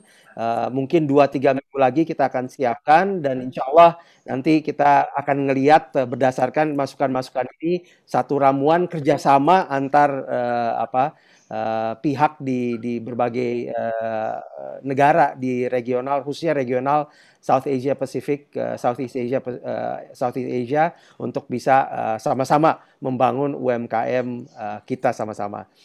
Terima kasih Pak Zainal, terima kasih Pak Terima Ruli, kasih, uh, terima kasih Pak terima kasih Bu terima kasih. Iradia. Uh, saya tadi juga terima kasih juga untuk Pak uh, Rizky yang kelihatannya juga sudah harus pergi tadi jam 3 persis. Kemudian juga uh, untuk uh, Pak Teguh juga yang tadi di Bandung ada acara. Wah luar biasa kita beruntung. Nanti kita akan summarize. Kalau misalnya nanti mau mendapatkan materi-materinya silakan daftar ke Bitly kita. Kita akan kirim apa materi-materi yang bisa kita share dari apa izin uh, tentunya uh, presenternya. Uh, wabillahi taufik walhidayah. Wassalamualaikum warahmatullahi wabarakatuh. Saya uh, serahkan kembali ke Mas Memo. Silakan Mas Memo. Sebelum ke Mas Memo, Oh Pak iya. Jimmy mohon izin. Jadi saya juga mengucapkan terima kasih sekaligus eh, mohon maaf apabila ada kekurangan dan kesalahan tadi kata dari penyampaian dari saya dan tentu kami terbuka Pak Jimmy tadi untuk bersinergi dan bekerja sama dengan siapa pun selama itu dalam rangka mengembangkan dan memberdayakan UMKM dan kooperasi kita. Terima kasih Bapak Ibu sekalian, para peserta webinar. Assalamualaikum warahmatullahi wabarakatuh. Waalaikumsalam. Terima kasih Pak Ruli. Salam untuk Pak Menteri. Siap, siap. Baik, terima kasih Pak Jimmy atas moderator yang luar biasa webinar kita. Dan terima kasih kepada para narasumber kita yang luar biasa. Dan terutama nih Pak apa Pak Ruli yang terakhir tadi menyampaikan akan kolaborasi untuk memajukan UMKM Indonesia yang jauh lebih baik. Jadi mohon maaf kepada Bapak Ibu. Jika pertanyaan ini luar biasa, saya lihat pertanyaan banyak banget, tapi tenang Bapak Ibu, pertanyaan tadi yang sudah ditulis tetap kita akan nilai. Karena tiga pertanyaan terbaik akan kita berikan buku Rise the Challenge. Tenang aja Ibu. Tapi kalau belum terjawab, maka terus ikuti uh, series webinar Orbitin karena nanti akan ada webinar series yang lainnya tentu membahas UMKM yang uh, membahas tentang UMKM supaya jauh lebih baik lagi. Akhir kata Mas, kami ucapkan Mas Memo, Ya, silakan Pak. uh, Pak Justin Ma sudah ada. Mungkin uh, dia ada sedikit sinopsis saja untuk nanti kita akan uh, apa uh, share lagi di waktu yang uh, akan datang di lain kesempatan. Dr. Justin Ma, uh, it's uh, we we have run out of time. Uh, unfortunately, we've already uh, extended to 18 minutes, but we we promised uh, the others that we will have another presentation because this is a se- series, webinar series, and we will have uh, yours done first because we have already done the others, and then with you several other speakers as well. But do you have a synopsis for us, if, if you may? Two or three minutes. Yes. I don't know why. According to my Wi-Fi here is quite strong, but I don't know how, how to cut off. But anyway, my signal is very simple. All right. As MSMEs have the dilemma. They are short of resources and know-how. I'm glad to see that the government has in place, government and government agencies have in place the policies. All right. But we can, that's where we can come in to actually work hand in hand with the government on one hand, and also market players on the other hand. So who are the market players? Financial institutions, all right, established companies, all right, people who want to actually help and benefit together with the MSMEs, all right. For instance, uh, conglomerates can actually nurture SMEs for future uh, JV, M&A, and even bringing them to IPO. So three of us has come up with this project to sustain MSMEs. And we wish to get more people to come in to join force together to really, to really help MSMEs to walk the talk, all right, in this post-pandemic era. Because things are fast changing and SMEs are short of that, particularly manpower, all right, manpower. So if we can have a synergy, all right, with all the uh, market players and government who are the components of this ecosystem of SMEs, we can actually flourish. We have the power to actually help SMEs, right? We select by geographical area, market segment, and the industry and trade sector. We identify them, and the government give us a support together with the uh, marketplace, and we can really help them. Because in my past 20 over years, I was actually uh, part and parcel, because I can say entrepreneurship is in my blood. Okay, SME Excellent. entrepreneurship is my name, innovation is my game. All right? Excellent. Ah, so I think uh, I can contribute. My presentation unfortunately could not be shared just now. Those are actually the practical points, the measures, objective measures and approach. All right, literally how we can implement. If we have a yes from people, tomorrow we can set off. All right? Excellent, Dr. Because What, what, what, what do you things say have been just done yesterday. Innovation is my name, digitalization is my game, is it? Yeah, Ah, uh, entrepreneurship is my name. entrepreneurship is my name, Innovation, is my is game. my game. Yeah. Ah, you should. I thought. I thought you were gonna add. Uh, Jimmy and Zainal are my friends. Oh, you are more than my friends. You are my partners. you are my partners. Are my we all brothers in friends in this. Let's work together. we all Because doing it. Singapore Uh, and, Jimmy, and Indonesia carry on with the good work. Yes, Ah. excellent. So, uh, Dr. Justin Ma, I think uh, we we heard you very well. So, uh, we will have another uh, webinar uh, kemungkinan 2 sampai 3 minggu lagi seperti biasa dilakukan Orbitin dan kita dengarkan nanti uh, Dr. Justin Ma hasil dari Ya, tadi Pak Ruli luar biasa uh, angka-angkanya kemudian data-datanya kita tentunya uh, senang sekali bisa menggunakan itu ke depannya. So, again, thank you so much. Tadi udah dengar review dari Dr. Justin Ma. So next next time we meet kita dengarkan uh, full uh, presentation dari Just, Dr. Justin Ma dan We juga pembicara-pembicaraan lain. Uh, we look forward to it. Terima kasih semuanya. Silakan. Memo. Thank you. Much. silakan. Baik, oke. Jadi eh, terakhir kami sampaikan bahwa eh, akan ada series webinar beberapa minggu ke depan. Jadi buat Bapak Ibu tetap stay dan mengikuti program yang sudah di, akan dilaksanakan oleh Orbiti. Akhir kata, kami ucapkan sekali lagi terima kasih dan kami tutup wabillahi taufiq wa hidayah. Wassalamualaikum warahmatullahi wabarakatuh. Sekali lagi terima kasih Bapak Ibu semuanya. Waalaikumsalam warahmatullahi wabarakatuh. Terima kasih. Terima kasih. Amazing. Selamat Terima ulang kasih. Terima kasih. tahun. Salam sehat Pak semua. Ruli, terima kasih. Salam sehat Pak Ruli. Ya. Terima kasih Bu Ira, makasih. Terima kasih Pak Jiwi. Pak Dubes Najib, terima kasih. Terima kasih Pak Dubes. Prof Tadi Roy, ada ada Prof Roy. Thank you. Terima kasih. Waalaikumsalam Pak Zainal.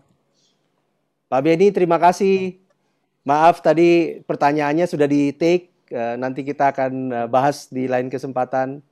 Mohon maaf nggak bisa semuanya di, dibahas karena waktu juga. Terima kasih Pak Beni.